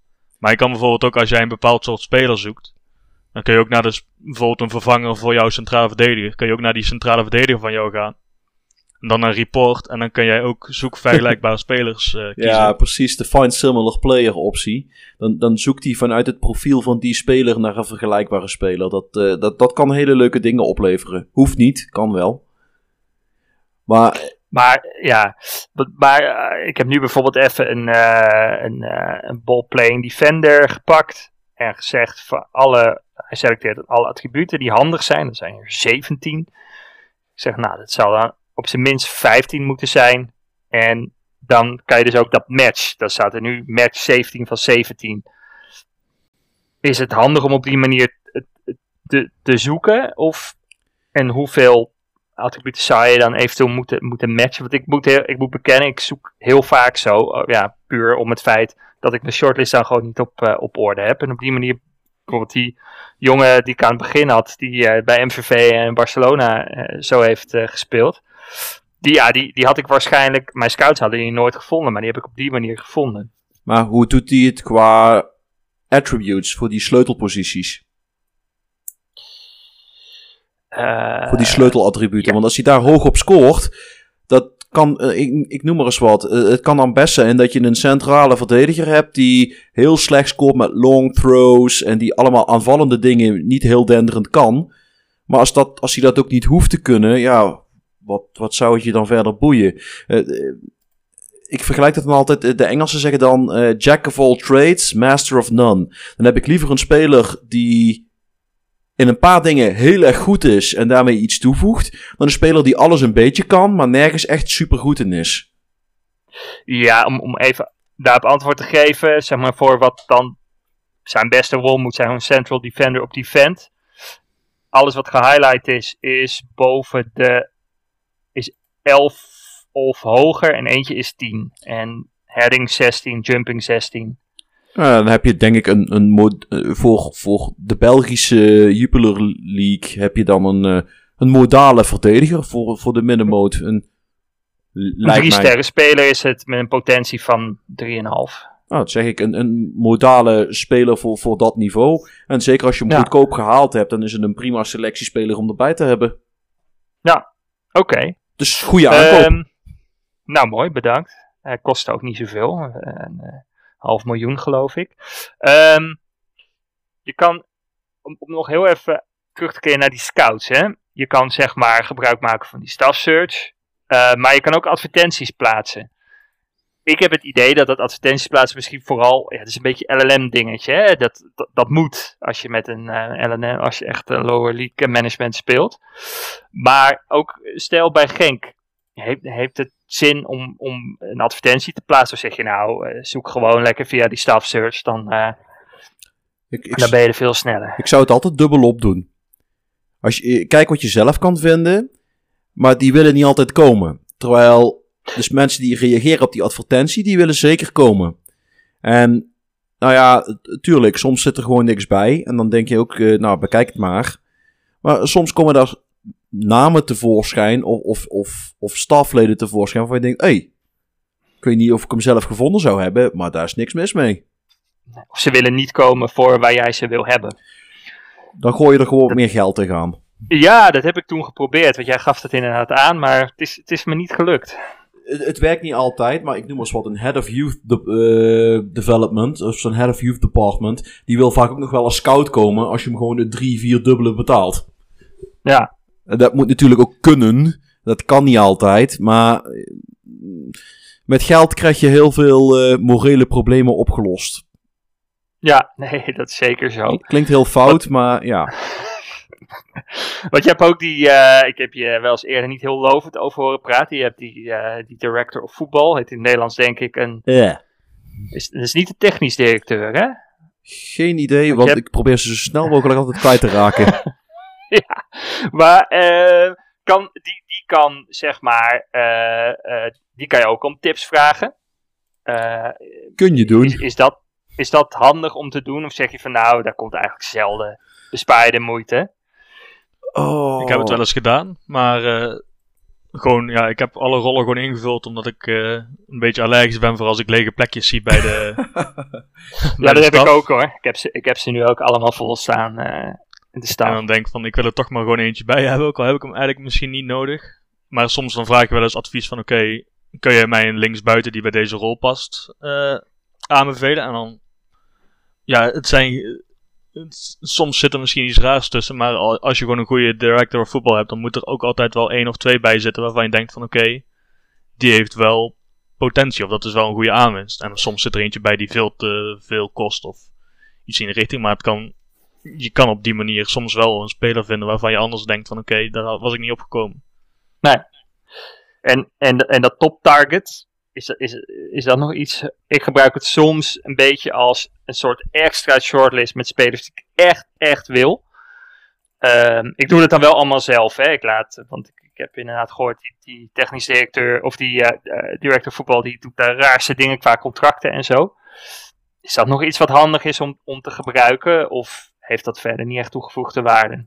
Nou, het is denk ik vooral als je, als je dus inderdaad het, het onderhandelen en de transfers en alles uitbesteedt aan de technical director, dan is een top target een, een speler waarvan je tegen je directeur zegt van die wil ik hebben en jij zorgt maar dat het geregeld wordt. Ehm, vergelijk het dan met een club die dat echt doet, een eh, Sevilla met Monchi. Als jij tegen Monchi zegt, hey luister, ehm, die Jason van Duiven van PSV, dat is een speler die wil ik echt hebben. Dat is mijn top target. Dan gaat hij alles op alles zetten om die speler voor je binnen te halen. N- niet onrealistisch, als in als, als het geld er niet is, dan is het geld er niet en dan, dan, dan gaat het niet. Maar hij zal alles proberen met wat de club in huis heeft om hem dan voor je binnen te halen. Maar ja, dat, het is eigenlijk Ja. alleen interessant om te doen als, als je zegt van nou, ik hou niet van zelf onderhandelen. Ik laat het wel door mijn, eh, door mijn technisch directeur doen. Waarvan ik altijd zeg, doe het nou gewoon niet. Maar dat is, dat is mijn mening. Dat is Nee. mijn mening. Nee, nee ja, ik, ik, ik, ik volg hem hoor. Nog, ik heb nog even over de, over de scouts. Eh, je hebt scouts die, die hebben dan een bepaalde kennis van een land. Ehm, hoe, is, dat- is dat heel belangrijk? En ehm, hoe snel, stel je hebt een scout die bijvoorbeeld heel goed is in België en je stuurt hem naar Duitsland. Hoe lang duurt het dan ongeveer voordat zijn Duitse kennis op, op, een, eh, op een mooi pijl is? Of zeg je, nou je moet wel gewoon beginnen. Je gaat naar Duitsland, zoek een scout die, die daar kennis van heeft. Ik denk dat ik even makkelijk begin met je eerste vraag. En je eerste vraag was: ehm, hoe. Wacht even, even kijken. Hoe belangrijk Juist. is het? Hoe, ja. hoe, hoe belangrijk is het überhaupt dat hij kennis heeft? Nou, zie je dat is die scouting knowledge. Als een, een, een speler, als een scout al kennis heeft van het gebied, betekent dat, het, dat de scouting knowledge van een speler automatisch al wat hoger ligt. Hij heeft dus minder lang nodig om met een gedetailleerd rapport te komen. En als je het dan hebt over hoe snel kan een scout kennis opbouwen van een ander land waar hij nog geen expert van is, dat ligt aan zijn adaptability. Hoe sneller, zich, hoe sneller hij zich zal aanpassen aan nieuwe omstandigheden, hoe sneller de Mhm. kennis van een bepaald land zal toenemen. Ah, van, vandaar inderdaad dat dat zo'n belangrijk eh, item is voor een scout. En volgens mij speelt de taal die de eh, scout spreekt ook Ja. nog mee met het, hoe snel ze kunnen wennen aan een En bepaald land. Dus als jij gaat scouten in eh, Brazilië en je stuurt er een eh, Hollandse boer naartoe, dan zal het soms even duren voordat hij de weg weet te vinden, letterlijk en figuurlijk in het land. Tenzij het Pieter Visser is, natuurlijk. Ja, precies, maar dat is een eh halfgod. En, ehm, ehm, en eh, die scout stuur je die dan, zeg maar, zeg je nou, jij gaat alleen naar Duitsland. Of heeft, stel je scout is heel goed in Duitsland, Zwitserland en Oostenrijk. Stuur je hem dan, zeg maar, naar die drie landen? Of eh, ga je dan toch dingen missen? Volgens mij Omdat hij het moet dat verdelen. Drie landen ongeveer wel het maximum is. Waar je kunt ze naar een sturen. regio sturen. Hè? Dan, kunnen, dan kan het zijn dat ze meer landen op die manier kunnen pakken. Maar dan is het vaak wel wat oppervlakkiger. Nee, klopt, maar dat het. Ja, precies, maar dat drie landen het maximum is als je het echt wel goed wil scouten. Bijvoorbeeld als je naar eh, Zuid-Amerika Zuid stuurt. Want ik heb nou die regio even voor me gepakt. Daar zitten Brazilië, Argentinië, Chili, Uruguay bij. Dan denk je, oké, dat zijn toplanden om in te scouten. En dan Paraguay zit erbij. Nou, kan ook nog wel eens iemand vandaan komen. Maar Guyana, Suriname en Frans eh, Guyana. Daar ga je geen topper vinden. Als je je scout daar naartoe stuurt, dan eh, is hij daar bezig. Terwijl hij Brazilië, Argentinië en Chili links laat liggen. Dus Ja. je moet- wat dat betreft kun je wel best gewoon focussen op de landen waar jij spelers vandaan wil halen. En niet per se op de regio's. Want ook in West-Europa zit Frankrijk, Spanje, Portugal Ja. en Andorra. Al, al kan ik me wel voorstellen dat je niet heel lang nodig hebt om Andorra in kaart te brengen als, eh, als scout. Nee, dat moet je in een dagje toch wel klaar Ah, kunnen ik zijn. wou zeggen een week, maar oké. Ehm, maar daarbij aansluitend wat Willem zegt. Ik, ik heb wel voor mezelf altijd een lijstje gemaakt van... ehm, ik noem dat value for money. Wel- welk land levert mij waar voor mijn geld?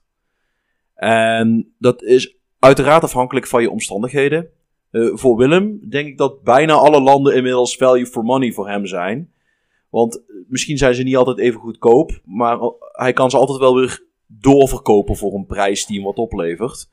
Maar eh, value for money is voor mij, nou eigenlijk zijn het zes of zeven dingetjes waar ik op let. Wat is de, de ability van spelers uit dat land? Dus oftewel, zijn ze gelijk in staat om in mijn eerste elftal mee te doen? Nou, en ik noem maar eens wat. Een, een, een- interessant land dan is bijvoorbeeld het Servië of Kroatië. Daar komt wel eens een speler uit die gelijk het eerste elftal inloopt. Maar het zijn meestal spelers die voor de jeugd zijn. En die na twee of drie jaar in de jeugd dan doorstromen naar het eerste. Betekent dat niet dat het land minder interessant is. Maar daar ga je niet gelijk directe versterkingen voor het eerste vandaan halen. Als je als absolute topclub actief bent. Maar eh, vergelijk het met, nou, eh, als PSV in seizoen 1 zit, dan kun je hele leuke spelers uit Kroatië halen, die op dat moment wel mee kunnen in het eerste, en die je een paar jaar later ook nog hebt kunnen optrainen naar Europese top. En dan weer door kunt verkopen voor een hoop geld. Dus het, het ligt natuurlijk ook aan de omstandigheden waar je zit. Eh, de, potens- de potential ability speelt dan ook een rolletje. En dan moet je eigenlijk min of meer de youth ratings van landen in Football Manager weten. En nou ja, als je ze niet weet, als in de precieze waardes, dat boeit ook niet. Maar jij weet prima dat Colombia waarschijnlijk betere talenten zal afleveren dan eh, Paraguay. En dus Ja. ga je eerder in Colombia scouten dan in Paraguay. Eh, de transfersommen voor spelers die uit een land afkomstig zijn, zijn ook van belang. Brazilië is bijvoorbeeld eigenlijk best wel duur. Braziliaanse talenten, die haal je niet voor een paar ton. En Braziliaanse talenten haal je ook niet voor een paar miljoen. Ik bedoel, wat heeft Ajax betaald voor Anthony en Neres? Volgens mij telkens meer dan 10. Volgens mij ook. Ja, Ja, Vinicius en eh, Rodrigo, allebei meer dan 30. Dat bedoel mij. ik. En dat waren spelers die amper in het eerste gespeeld hadden op dat moment. Hè? Dat, Ja, waren, ge- 16 of 17, ja. dat, dat waren nog geen gearriveerde topspelers. Dus met andere woorden, eh, vergelijk het met spelers die je uit Colombia haalt. Voor 1 à 2 miljoen ben je dan wel klaar. Nou, en dan kun je ook een Matteo Cassiera aan je broek hebben hangen. Kan, maar ook kan- een eh, Sanchez. maar ook een Davinson Sanchez. Ja. En, nou, en zelfs Cachera hebben ze volgens mij nog met winst doorverkocht. Dus hè, voor de handel kan het geen kwaad. Eh, maar de transfersommen in bepaalde regio's liggen lager omdat de reputatie van die landen lager is. En daarmee worden ze interessant. Scandinavië, relatief lage reputatie, dus relatief goedkoper om te shoppen. Hetzelfde geldt voor Servië en Kroatië. Maar Portugal zal bijvoorbeeld duurder zijn. Zitten iets betere spelers, maar is ook gelijk een stuk duurder. Eh, hetzelfde geldt voor de salarissen. Eh, spelers uit pak een beetje Scandinavië, Servië, Colombia zijn relatief goedkoop in de salarissen. Als je het ver- gaat vergelijken met Brazilianen, Portugezen of, of, of helemaal spelers uit Engeland. Ja, Ja. En de Ik laatste heb ook ding... op het eh, ja, op dat niveau met. eh, toen ik bij BFC Dynamo bezig was, ik had geen geld om echt spelers te halen. Echte transfers te doen. En ik, heb een paar, ik had ook geen geld om te scouten. Maar ik wist wel, oké, Senegal heeft soms leuke jeugdspelers. En nog wat landen in Afrika hebben vaak eh, leuke spelers die nog bij een Afrikaanse club zitten. En ik heb eh eh, Génération Foot bij, in Senegal heb ik eigenlijk vier talenten van weggehaald. Voor een bescheiden som, soms maar 10.000 euro. Salaris die ze kregen was heel laag. Ik wil het geen moderne slavernij noemen, maar het kwam bijna in de buurt. Ik snap wel wat je zegt. En ze, ik heb ze niet vol gescout, maar ze zaten in het jeugdteam van Senegal ook al. En ze wilden, de rol die ze wilden hebben als speler was een belangrijke speler. Dus ik dacht, oké, dan zullen ze wel iets kunnen. Het was een gok, het was goedkoop, maar uiteindelijk heeft het wel veel opgeleverd. Omdat ze weinig kosten, uiteindelijk met winst zijn doorverkocht en ook nog een bijdrage Ja, en, een andere Afrikaanse club die er altijd goed bij doet is eh, ASEC Mimosas uit, eh, volgens mij is het Ivoorkust. Daar, daar willen ook nog wel eens eh, enorme talenten uitkomen. Ja, Maar ja, de laatste factoren waar je op let zijn dan, zijn de spelers ook ehm, haalbaar? In de zin van, als jij in Engeland speelt, dan is een speler uit Ivoorkust in één klap een stuk minder interessant dan die speler uit Kroatië. Dat was wel voor Brexit. Maar eh, als, je met wor- als je met work permit zit, dan zijn spelers die bij grotere, uit grotere landen afkomstig zijn, krijgen dan sneller die work permit en zijn daarmee interessanter. En ja, de laatste factor waar je naar kijkt is de, eh, H.D. Willem in het begin ook al aangaf, de commerciële waarde van de speler. Ehm, le- levert die speler je nog iets op? En bijvoorbeeld Japanse spelers, zeker als het topspelers zijn, die brengen commercieel gewoon nog iets extra's met zich mee. En het zijn maar weinig regio's die dat hebben. Japan, China, eh, de Verenigde Staten, als je daar echt een topspeler vandaan haalt. Zuid-Korea. Ik, ik heb het wel eens bij Indonesië Zal- meegemaakt, maar je, je- er komen heel weinig Indonesische topspelers langs. Maar het kan wel. Dus eh, het zijn met name bepaalde Aziatische en, en, en Noord-Amerikaanse competities. En absolute wereldtoppers. Maar ja, die zijn niet voor iedereen eh, weggelegd. maar, maar dat zie je dus op het moment dat je iemand echt volledig hebt gescout, begrijp ik. Want ik heb nog nooit gezien dat er, in, eh, als ik speler had gescout, dat er stond eh vertegenwoordigd een goede of een hoge commerciële waarde. Ja, maar heb je wel eens spelers echt 100% gescout? Nou ja, blijkbaar niet. Nee, nee, ik, ik, eh, ik, ik stuur me, of tenminste, ik laat me scouten bescouten. Ehm en dat is het. Volgens mij heb ik hem op, een- op een week staan of zo. Ja, kijk, Dus dat zou ik dan inderdaad nooit gezien hebben. Maar ik ga het, ik ga het eens da- proberen. daar zit iets in. En dan, eh, ja, doe het eens gewoon bijvoorbeeld met de, topspeler, met de topspeler van de Japanse nationale ploeg. Dikke kans dat je dan te zien krijgt dat die commercieel ook nog iets, met, iets extra's mee kan brengen. Ja. Eh, nee, nee ja, daar, gaat, daar gaat een wereld voor me open, want het is mij echt nog nooit opgevallen. Ehm, wat me wel altijd opvalt, een mooi bruggetje, is als je zeg maar in, in je scoutingcenter zit, dan heb je een kopje scouted, waar zeg maar iedereen in komt te staan die je hebt gescout. Eh, als je een poosje op weg bent, dan komt daar echt een shitload aan spelers te staan. En ook spelers die echt een, eh, een F hebben, bij wijze van spreken. Ik heb er nu al 360 in. eh, Maar- ja, hoe lang zit ik? Eh, misschien twee, drie maanden bij Genk. Hoe- Je, je hebt, je hebt je- onderin heb je zeg maar zo'n Ja. balkje staan, hè. Ehm, en er staat ook bij add the shortlist, er staat een rood kruisje, fully scout player, approach agent, make offer en een vinkie. En het vinkje zegt, hey, deze speler wil ik op de lijst houden. Die doet, de, die, die, die doet nog mee, zeg maar.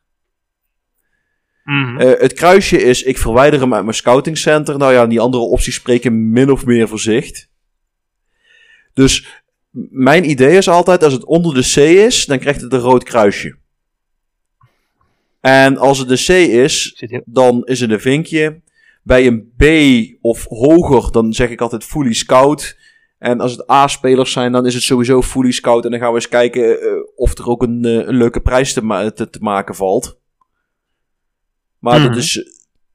heel ruw gezegd, ehm, ja, noem dat een beetje een, een, een, een paar vuistregels. Het zijn geen harde regels, maar eh, ja, dat, dat is hoe ik het min of meer aanvlieg. En als je wat, wat verder bent, dan ga je op een gegeven moment zelfs de C en de C spelers afstrepen. Waarvan je denkt, ja prima, dat is eh, squad filler. Die heb ik op het moment niet nodig.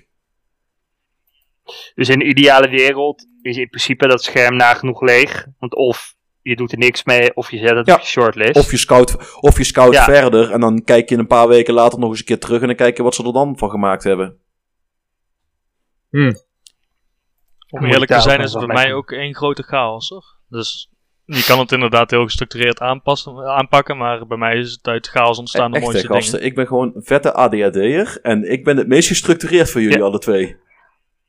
Ja, maar ik ben ook een ADHD'er en dat is misschien de reden dat ik die structuur er maar niet in krijg. Dus het is, eh, maar ja, wat ik zei, dat is al, eh, dat, is al twintig jaar zo. Ik heb de, mooi, de mooiste plannen van, ik, eh, gaat iemand, ik weet precies wat ik ga doen en uiteindelijk zit ik toch last minute een speler binnen te halen. En zit ik soms ook gewoon, kijk naar een speler die ik heb gekocht en dan denk ik, ja, heb ik geen linksbacks, maar wel acht middenvelders. En dan denk ik, ja, er is toch iets misgegaan met het plan. Want het maar keurig is een klapblokje.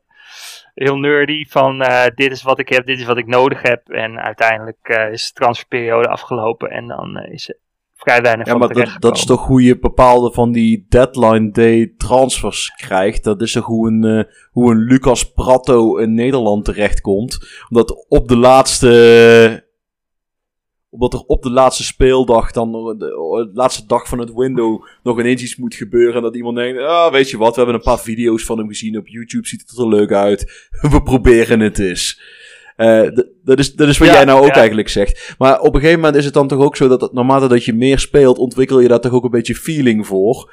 Eh, z- zeker als je die deadline day, dat, dat, dat hele circus echt meespeelt. Soms zie je gewoon spelers langskomen waarvan je denkt, hé, hey, maar dit is een buitenkantje. Daar moet ik voor gaan. Ja, ik kijk hem wel altijd. Maar ik moet zeggen dat ik nog nooit op deadline day een speler heb gekocht. Gek genoeg. For shame. Ja, eh, misschien. Ik, ik, ja, hij is, hij is natuurlijk net achter de rug. Ik zit op 1 september. Maar misschien. Als, in de winterstop is hij er ook, hè? Ja, dan, dan moet ik dan maar even. eh, moet ik dan maar eens even gaan kijken. Want je krijgt dan inderdaad wel een heel overzicht van. ehm, makelaars die dan spelers aanbieden.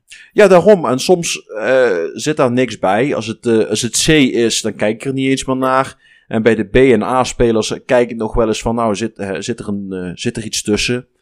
Maar moet ik wel zeggen, dat deed ik vooral met Dynamo. Want dan zat ik in de Willem-fase met, ik heb 900 miljoen te spenderen, dus boeiend. Eh, en als, als je dan zag, nou, eh, nou ik, ik noem maar eens wat. Ik heb toen wel eens een speler van AC Milan gekocht. Dat was een jeugdspeler vandaag. Had een A-rating en ik kon hem voor 3,5 miljoen krijgen. Dat is een koopje. Ja, Dat is, dat is Ja. een koopje. En hij heeft nooit het eerste gehaald. Hij, heeft, hij is twee jaar verhuurd. En daarna heb ik hem voor 18 miljoen terugverkocht aan Juventus. ja ik, ik, deed dat, ik, ik deed dat wel eens hoor. Dat ik dacht van ik heb hem eigenlijk niet nodig. Maar ik, eh, ja, het, het is goed. Ik wil deze kans niet missen. Maar ja, ik zei natuurlijk in België heb je wel andere regels met eh, dat je maar 25 spelers mag registreren en zo. En dan is het iets minder interessant om dat te doen. Voor mijn gevoel. Dat je toch iets meer na moet denken. Nou, ligt eraan. Als jij die spelers puur voor de handel haalt. Met het idee van ze hoeven niet per se bij mij in het eerste te komen te staan. Ja, wat zou het jou dan. Wat, wat boeit het jou dan of die bij jou speelt? Of dat je hem verhuurt aan eh, pak een Peter een andere club in de divisie? Nee, dat, nee dat, dat telt natuurlijk ook wel. Want ze moeten, het is handig om te spelen, want dan worden ze meer waard. Maar ja, je hebt wel gelijk of ze dat nou bij jou doen of bij eh Clubwijze aan verhuurd. Nee, ja, dat is zeker zo. Daar heb ik eigenlijk helemaal niet Al, als de waarde maar toeneemt, waardoor dat jij ze daarna weer met winst kunt verkopen. Ja, ja. Ik, ik ga er de Dat- volgende window toch wat beter op letten. Dat is, die, dat is die VOC-mentaliteit, Vincent. Oh, oh, het wacht trouwens, mogen we dat nog zeggen? Dat iemand een VOC-mentaliteit heeft? Of is dat ook racistisch tegenwoordig? Voor mij mag het. Als Balken het, eh, het mocht, dan mag jij het helemaal. Dan moet je nog wel even toch erachteraan zetten voor Ja, de ja. extra kracht erbij. Met een overslaande stem. Ja, daar ben, ik- daar ben ik Toch? niet zo goed in. Ja. Ik, ik, als mijn stem overslaat, dan gaat dat volgens mij heel raar klinken. Ik heb best een donkere... Ik denk dat je dit als een basstem mag omschrijven. Ik denk als die overslaat, "Ah", dan krijg je dat soort toestanden. La- laten we dat maar gewoon niet doen. Nee, nee, slaan we dat even Eh, over. Vincent, eh, heb jij, Ja? heb jij nog vragen voor ons? Want ik heb het idee dat we een beetje door het eh, praatlijstje heen zijn. Ik eh, denk, eh, ja, nou ja, misschien, misschien nog eentje even voor de, voor de LNM'ers eh, onder ons. Stel je hebt, eh, ik weet even niet bij een kleine club hoeveel, hoeveel scouts je maximaal mag hebben, maar stel je hebt twee, drie scouts. Wat, wat zijn echt prioriteiten? Ik denk sowieso, pak je dan ook je volgende tegenstander? Of Ligt, er, wat? Ja, wat ligt eraan. Hoe goed ben je tactisch?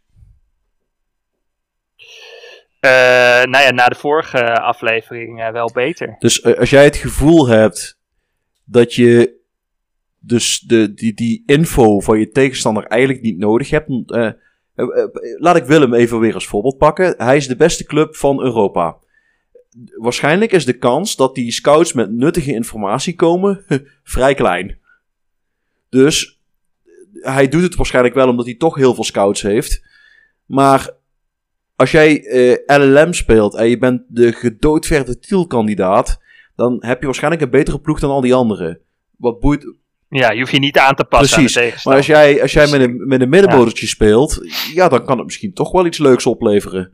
Eh, Zeker als je met een degradatiekandidaat speelt, ja, dan is het misschien wel interessant als je er een beetje achter komt wie de gevaarlijkste tegenstanders zijn. Of als je, zoals ik, in compleet random competities terechtkomt, waar je geen hond kent, dan is het wel een goede manier om een beetje de kracht van de competitie te leren kennen. Want ik heb geen idee wie Ja. in eh, 2050 de sterspelers zijn van Kaiser Chiefs of de Orlando Pirates. Daar heb ik toch echt die, die scout voor nodig. Ik weet het ook niet van 2021 trouwens, maar het, Ah, Maar ik heb ook bij, bij eh, BFC Dynamo heb ik ook gekeken van... eh, Oké, ik wil... Ik heb niet gekeken naar welke formatie ik speelde. Ik heb gewoon gekeken als ik een speler kon halen. Als het echt een topspeler is, dan haal ik hem. Als ik weet dat hij beter is dan de spelers die ik heb. En dan pas ik mijn tactiek daar wel aan aan. aan want volgens, volgens mij is het beter om zo goed mogelijk speler op dat niveau te hebben dat is absoluut. dan een bepaalde formatie. Dus ik ben ook op een gegeven moment, ik heb eh, toen Borisov gehaald, die uiteindelijk nog eh, de Premier League heeft gehaald. Maar die heb ik op het vierde niveau in Duitsland in mijn team gehad. En ik heb mijn formatie veranderd om hem maar te kunnen laten heb je spelen. trouwens in, eh, op dat niveau ook eh, Youssef Amin eh, wel eens gehaald? Dat is eh, een gast die uit de jeugd komt van Dortmund. En daar speelde hij volgens mij bij Victoria Köln. En dat is ook volgens mij een ploeg van het vierde niveau. ik had hem bij Ajax. Ik heb hem bij Ajax gehad. Ik heb hem op een gegeven moment verkocht, want hij, hij was boos. Ehm, en hij speelde volgens mij vooral in jong Ajax. Ik vond, ik vond het namelijk wel een goede voetballer. Want ik heb hem bij Dynamo Kiev op een gegeven moment ook gehad. En dat, ja, daar heeft hij zich op een gegeven moment echt naar het eerste toegespeeld. Na, na twee verhuurperiodes. Maar ja, dat soort spelers die kunnen echt veel belangrijker zijn dan welke tactiek dan ook. En als je zo'n soort speler kan halen, dat zou prioriteit nummer één moeten zijn qua scouting, denk ik. Gewoon zorgen dat je zo'n goed mogelijke speler kan krijgen. Ja, dus er zit toch in de, bij de start van het spel, bij de, bij de default database, zat er nog zo'n gozer op in de derde Bundesliga. Die werd altijd door Bayern München of zo gekocht. Dat was volgens mij een Duitse Ghanese. En als je me heel even. Ja, ik. ik Is dat Ko- ja, Koningsdorf of zo? Königsdorfer. Ra- eh, Rensford Königsdorfer of zoiets was het. Ontzettend Ghanese Ja, naam. maar, Oh, hier, Rensford, J. Boha, Königsdorf, Leverkusen zit hij bij mij. ja, maar die begint ergens op. bij, eh, die begint echt op het derde niveau of zo.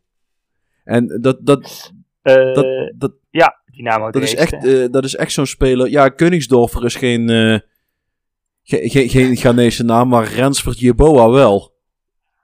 Ja, behoorlijk. Eh, hij is ook best aardig. Als Het is een Koen special.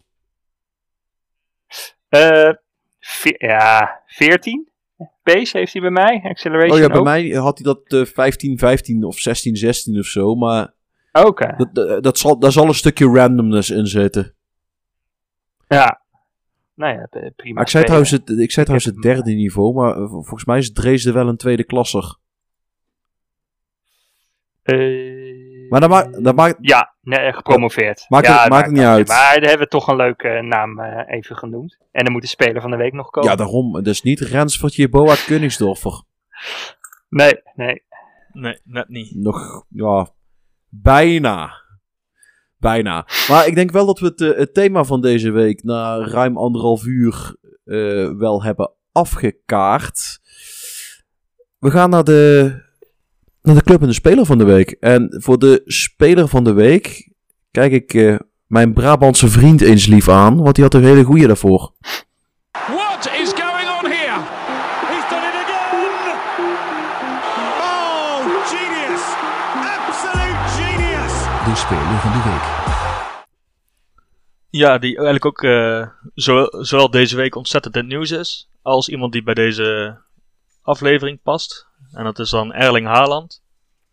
Omdat, het, ja, hij is natuurlijk naar Manchester City gegaan voor een eh, mooi bedrag. Maar het is eigenlijk ook, hij is vanuit eh, Noorwegen is hij naar eh, de topclub in Noorwegen gegaan, onder Solskjaer bij Molde. Als ik het goed heb. En daar is hij dus al gescout vanuit een lagere club. Toen is hij door Salzburg gescout bij Molde. Door Dortmund bij Salzburg. En vervolgens weer door Manchester City bij Dortmund. Maar dan heb je eigenlijk een soort van de hele voetbalpyramide wel meegepakt. Dus dat lijkt me wel een heel interessante speler van de week op deze manier. Omdat je natuurlijk... Ik zit op dit moment bij mijn club bij Manchester City niveau. Dus dan zou ik een speler weghalen bij Dortmund. En ik zat daarvoor op Dortmund niveau. Dus haalde ik spelers weg bij Salzburg. En lager qua niveau ben ik niet gekomen, maar het is wel een speler. Oké, op welk moment kun je hem kopen? En hoe beter je als club bent, hoe later je zo'n speler eh, kan halen, zeg maar. Dus eh, vandaar eh, hem als eh, keuze. Ja, dat, ik denk dat hij eh, in dat opzicht heel mooi bij het thema van deze week past. Ehm, de club van de week. En het is eh, een van mijn favoriete clubjes. Brilliant! Just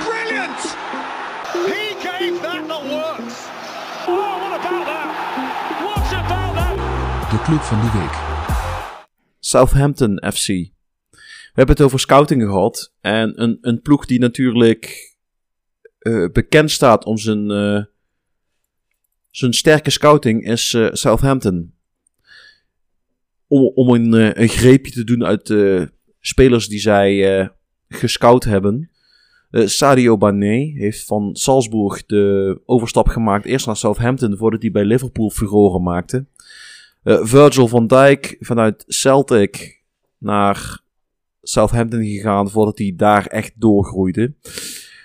Eh, Southampton staat er min of meer onbekend. Nou, ze hebben een goede opleiding. Maar ze ze zijn ook in staat om met relatief weinig geld. Relatief weinig geld. Want zelfs een arme Premier League club heeft meer dan de, de gemiddelde Eredivisie club te besteden. Maar met relatief beperkte middelen slagen ze er wel elke keer in om een mooi representatief elftal op de been te brengen. En ja, daarnaast is Southampton is gewoon een mooie, club. Mooi shirt. Leuke club. Goede jeugdopleiding. Ze doen het leuk qua, qua scouting. Dus eh, onze club van de week is Southampton FC. Daarmee, dames en heren, denk dat wij deze aflevering langzamerhand gaan afronden na eh, bijna een uur en drie kwartier. Wij willen jullie bedanken voor het luisteren. Als jullie vragen willen insturen, dan kan dat via Twitter. Ik zou je wel aanraden om dat via mijn Twitter te doen, @merigido. En eh, niet via de officiële Twitter van Managers United, want volgens mij kijkt niemand daarnaar in het beheer. Ehm, ja, we zeggen dat nou omdat we er laatst achter kwamen dat er gewoon al meer dan een half jaar niet gereageerd was op uitstaande berichten daar. Dus eh, doe het even via mij. Eh, je kunt wel een mailtje sturen naar podcast.manunited.nl. Dat wordt wel braaf gelezen. Eh, als je jezelf als gast wil uitnodigen, je bent van harte welkom. Als je suggesties hebt voor andere onderwerpen of je wil ons live rectificeren, je bent van harte welkom. Eh, vergeet niet om je te abonneren op onze podcast. Dan krijg je een eh, heads-up als we elke woensdag een nieuwe aflevering droppen. Geef ons ook een eh, rating van 5 sterren op je medium naar keuze. Vinden de algoritmes leuk? Vinden wij leuk? Hebben we het gevoel dat we iets zinnigs het doen zijn met onze dinsdagavond? Eh, deze aflevering werd aan mijn kant mede mogelijk gemaakt door Corsair Bourbon. Ik heb geen idee wat Vincent aan het drinken is. Hij is wel eens aan het drinken, dus Zeker, zeker. Weer geen wijn, maar een, eh, een, een eh, Imperial Stout van de Gooise Bierbrouwerij hier in de buurt in Hilversum. Gerijpt, dat moet je als whisky-kenner denk ik ook wat zeggen, op um, Tomintool whisky Oeh, Tommentaal, daar is niks mis mee. Tommentaal, ja. Nee, hij was, hij was erg lekker. Ah, en ik weet niet wat Willem het drinken was. Volgens mij, die, ik zag hem een blikje hebben, dus eh Fanta? Het was eh, nog net iets eh, minder eh, kindachtig, kinderachtig dan dat. Het was een blikje Ook Coca-Cola. niks mis mee. Eh, als Coca-Cola zich geroepen voelt om ons te sponsoren, dan doen we daar niet moeilijk over. Pro- product placement, we doen het gewoon heel zo casual, by the way. Eh, in ieder geval, bedankt voor het luisteren en tot de volgende week. De Voetbal Managers United podcast.